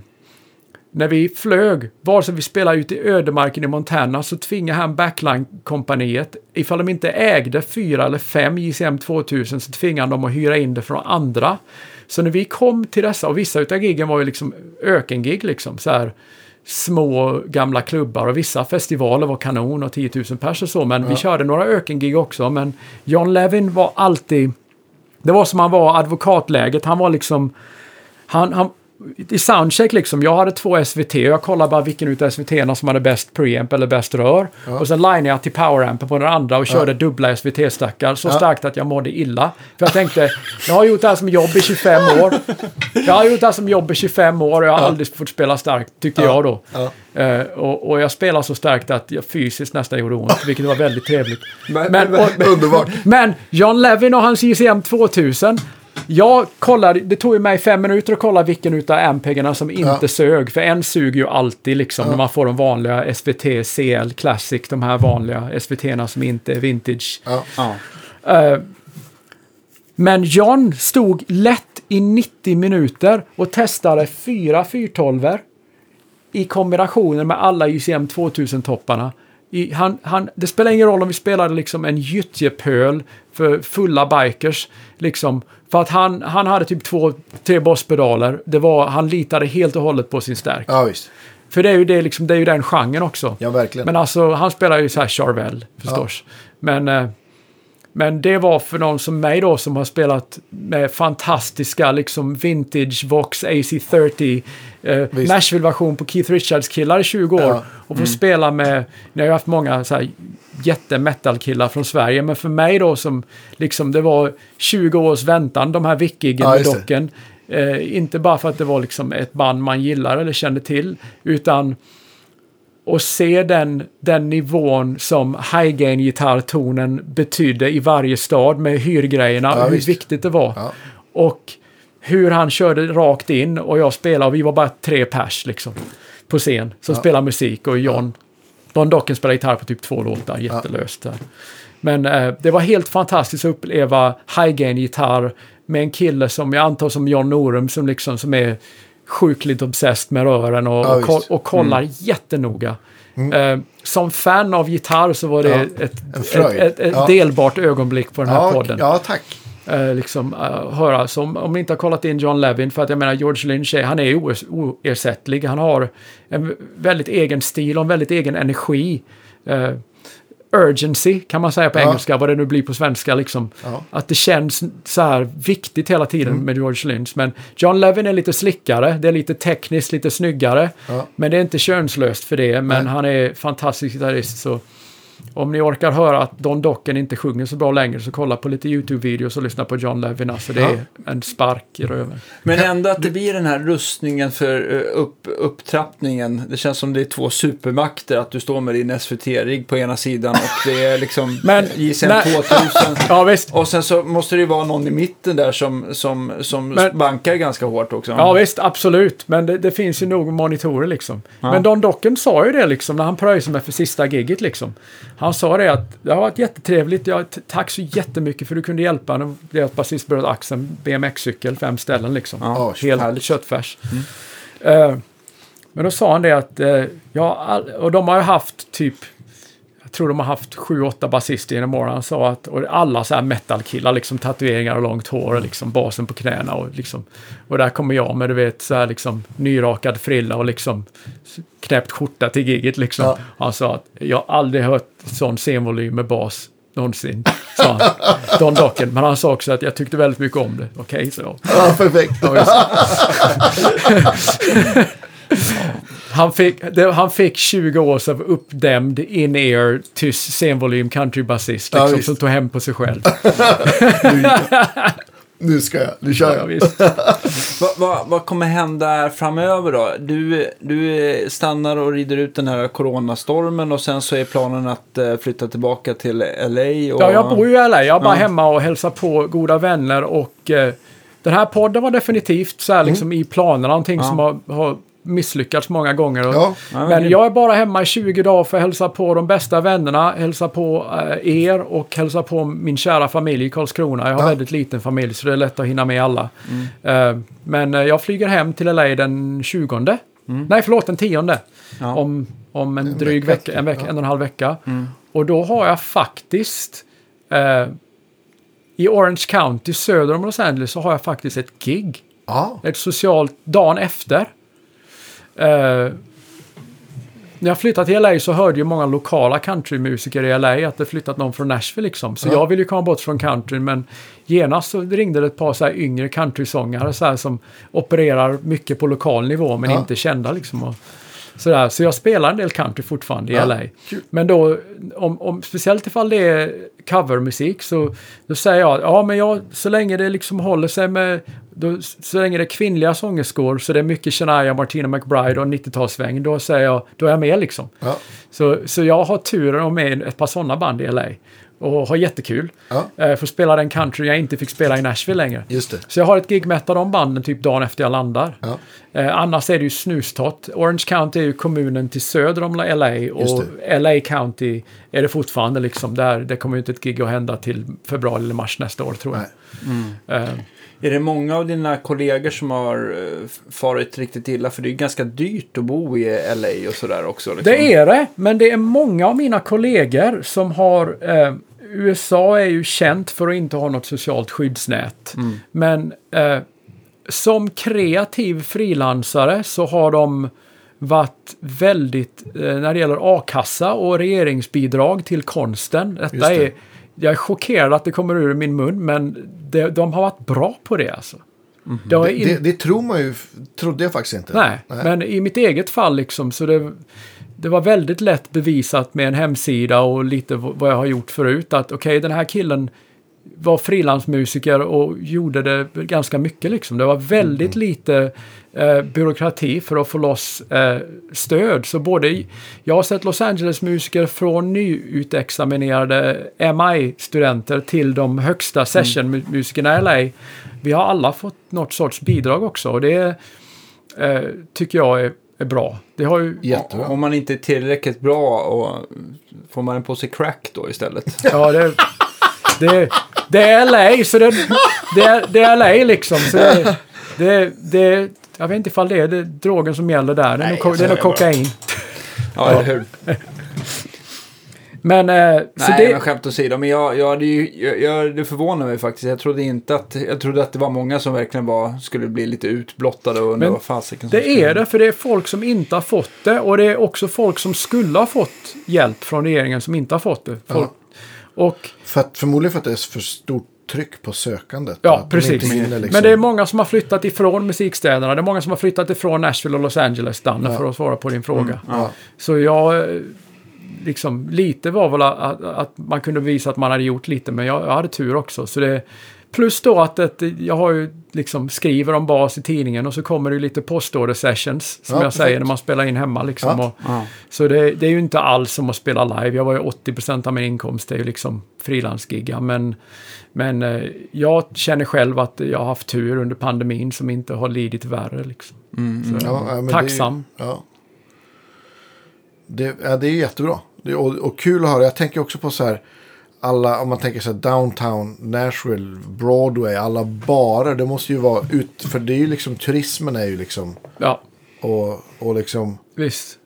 sist jag var där så känns det också som att det var att göra så här, ja, jag vet inte vad det heter på.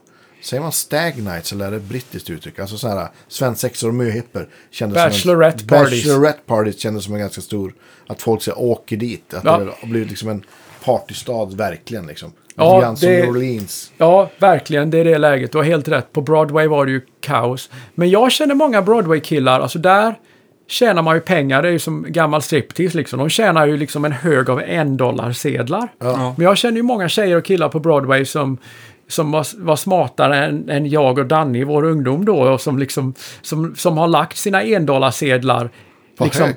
Ja, på hög alltså. Som farfar i madrassen typ. Ja. Så många som har lidit i Nashville, men det är också många som visste att jag tjänar ju faktiskt svarta pengar här, typ dricks bara och liksom har slängde dem i en, en duffelbag liksom, i en Ja. hockeybag. Så, jag, så visst, många har lidit, men jag känner många som tack vare att de tjänade pengar på the old fashioned way så lider de mindre än killarna som jobbar för artister liksom. Ja, visst. Turné. Okej. Just det. Ja. Ehm, vi har faktiskt kommit fram också till en, eh, fråga som vi alltid måste ställa. Ja. Vi, vi, men, eh, vad är den sista basgrejen du kommer sälja? Är det din multicomp? Eller är det en, Ja. är det en 3000? Ja. Eh, fel i bägge är- fallen. Är det, ja, Ja, det var ett set pro steels. Ja, det, ja, men det är faktiskt nästan sant. Nej, men äh, ähm, det sista, det som jag inte kan sälja är jag har en Sadowski 5 Vintage 5. Jaha, Alltså- en amerikansk Shadowski. Ja, New York-byggd. Jag beställde den 1999 när jag bodde i Minneapolis för att jag visste att om sex månader när jag flyttar till Nashville, det är det alla spelar på skivorna där. Och jag har haft många Sadowskis sen den första, men den första låter bäst och väger minst. Ja. Och den ser ut som köttfärs, den ser ut som en riktig vintage Fender nu för tiden. Man har slagit med sådana här bikerringar på slutet på låtarna Ja, och liksom, den är verkligen aged. Men det är en magisk bas för den är jättejämn. Tekniskt sett, alltså det, man behöver knappt kompressor för att höra de högre tonerna och fantastiskt balanserat instrument. Men känslomässigt så det var den jag köpte som barbandskille som inte egentligen hade råd. Men Ja. jag beställde den sex månader i förväg och la handpengar och tänkte Liksom. Nu ska det gå. Mm. Ja, visst. Men så kom det sex månader senare och alla mina första turnéer och alla mina första tv-shower och alla mina första så här Grand Ole Opry och sånt var den basen. Och jag hade tur att spela på en skiva som var en sån amerikansk Grammy och det var också den basen. Så, så, eh, den är liksom turbasen. Plus att det var, jag investerade i mig själv innan jag ens kom till Nashville. Jag sa att med det här instrumentet så, så liksom, det här blir hemliga vapnet liksom. Ja.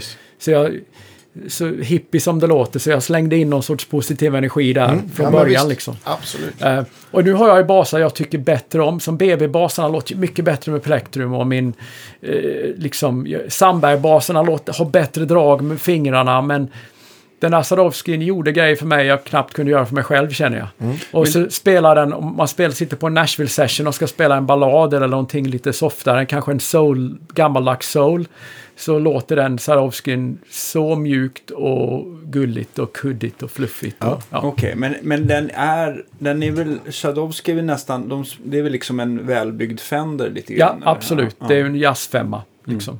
Eh, Paul Farrow heter. Ja, fingerboardmaterialet. Ja, är Men annars är det- Jag vet inte om det är någon variant, någon, någon variant på Rosewood helt enkelt. Ja, det ser ut som en jätteljus Rosewood Ja. liksom. Mjölkchokladversionen på Ja, Ja, Rosewood. precis. Det, det, det har man ju liksom experimenterat mer med nu när det var lite problem med Rosewood här. Ja, nu visst. har man gått tillbaka igen. Men, men det har väl alltid suttit på Steve Ray Vaughan signaturstöttan av någon Just det. konstig jäkla Ja. anledning. Visst. Men eh, ja, eftersom man aldrig eh, spelade på Pau Ferro själv.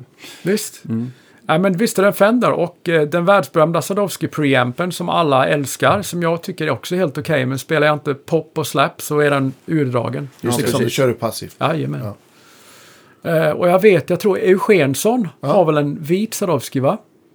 Det tror jag. Ja, jag tror att Eugens Sadowski, för de som känner till Eugensson, Ja. eh, eh, hans, eh, hans vita Sadowski tror jag är inom bara någon, någon hundra serienummer från min Aha, samma okej, ålder. coolt. Det är ganska otroligt. Det är ju eh, det är ju svincoolt. Jag undrar om han har varit förbi med den här. Eh, annars har jag hjälpt honom med rätt många basar. Men däremot, så, det det man brukar se på Shadowski, det är ju den här Metro. Alltså Ja. japanska. Och den är ju ändå rätt dyr. Ja. Mm. Jag vet inte, ja precis, de är dyra. Det är väl ändå en 30 plus eller någonting Ja, sånt visst. där. Och det, En inte, så, det, så det är sista grejen jag säljer. Och rolig Sadowski-historia innan vi slutar. Jag köpte en New York-byggd byggd PJ. Och då så sa jag, att, sa jag till Roger Sadowski, strängbalansen är ojämn. Den är aldrig ojämn på en Sadowski. sa han, nej du har, fel, du har fel. Det är samma mickar jag satt i, i mina basar nu i ett halvår. Ja, jag sa sträng, strängbalansen är ojämn. Och han trodde ju jag var en jävla idiot, Ja. Roger Sadowski. Men så fick jag ett e-mail några veckor senare. Han sa att eh, jag har tur alla pickupen, alla p-basmickarna ur byrålådan. Och mätte dem och de har legat för nära varandra och avmagnetiserat varandra. Du hade rätt. Coolt. Det är liksom, det min Ja. Roger Sadowski-historia. oj, Ja, fett. Visst. Visst. coolt. Eh, Vi ska också tacka, tacka alla våra patrons och stort tack till alla som har köpt kaffekoppar och Och vilken Kaffe. succé! Ja, Det, vilken var, succé. Det, bara, det bara rasslade till Ja, helt plötsligt. Ja. Stort tack! Och, och alla ni som inte har köpt uh, kaffe och muggar, köp. Ja, Ja, absolut. exakt. Det tycker jag. Och tack för att du kom hit och pratade Ja, lite bas med oss. Ja, ja, men, ja det, det är ett podd, det är en, en, ett, ett ljus i tillvaron. Det är ingen överdrift. Jätte, Tack. det är alltid så mycket positiv energi och eh, att, att det är så mycket olika folk här som man lär ju sig. Jag känner mig som en tioåring i skolan varje gång. Era metalkillar eller flamenco-killar eller det, är- Ja. det är sån jävla tjänst ni gör alltså. Tack! Tack som Stort fan. tack. Visst. Ja, Vi hörs till veckan hörni. absolut. Hej, hej. Hej då.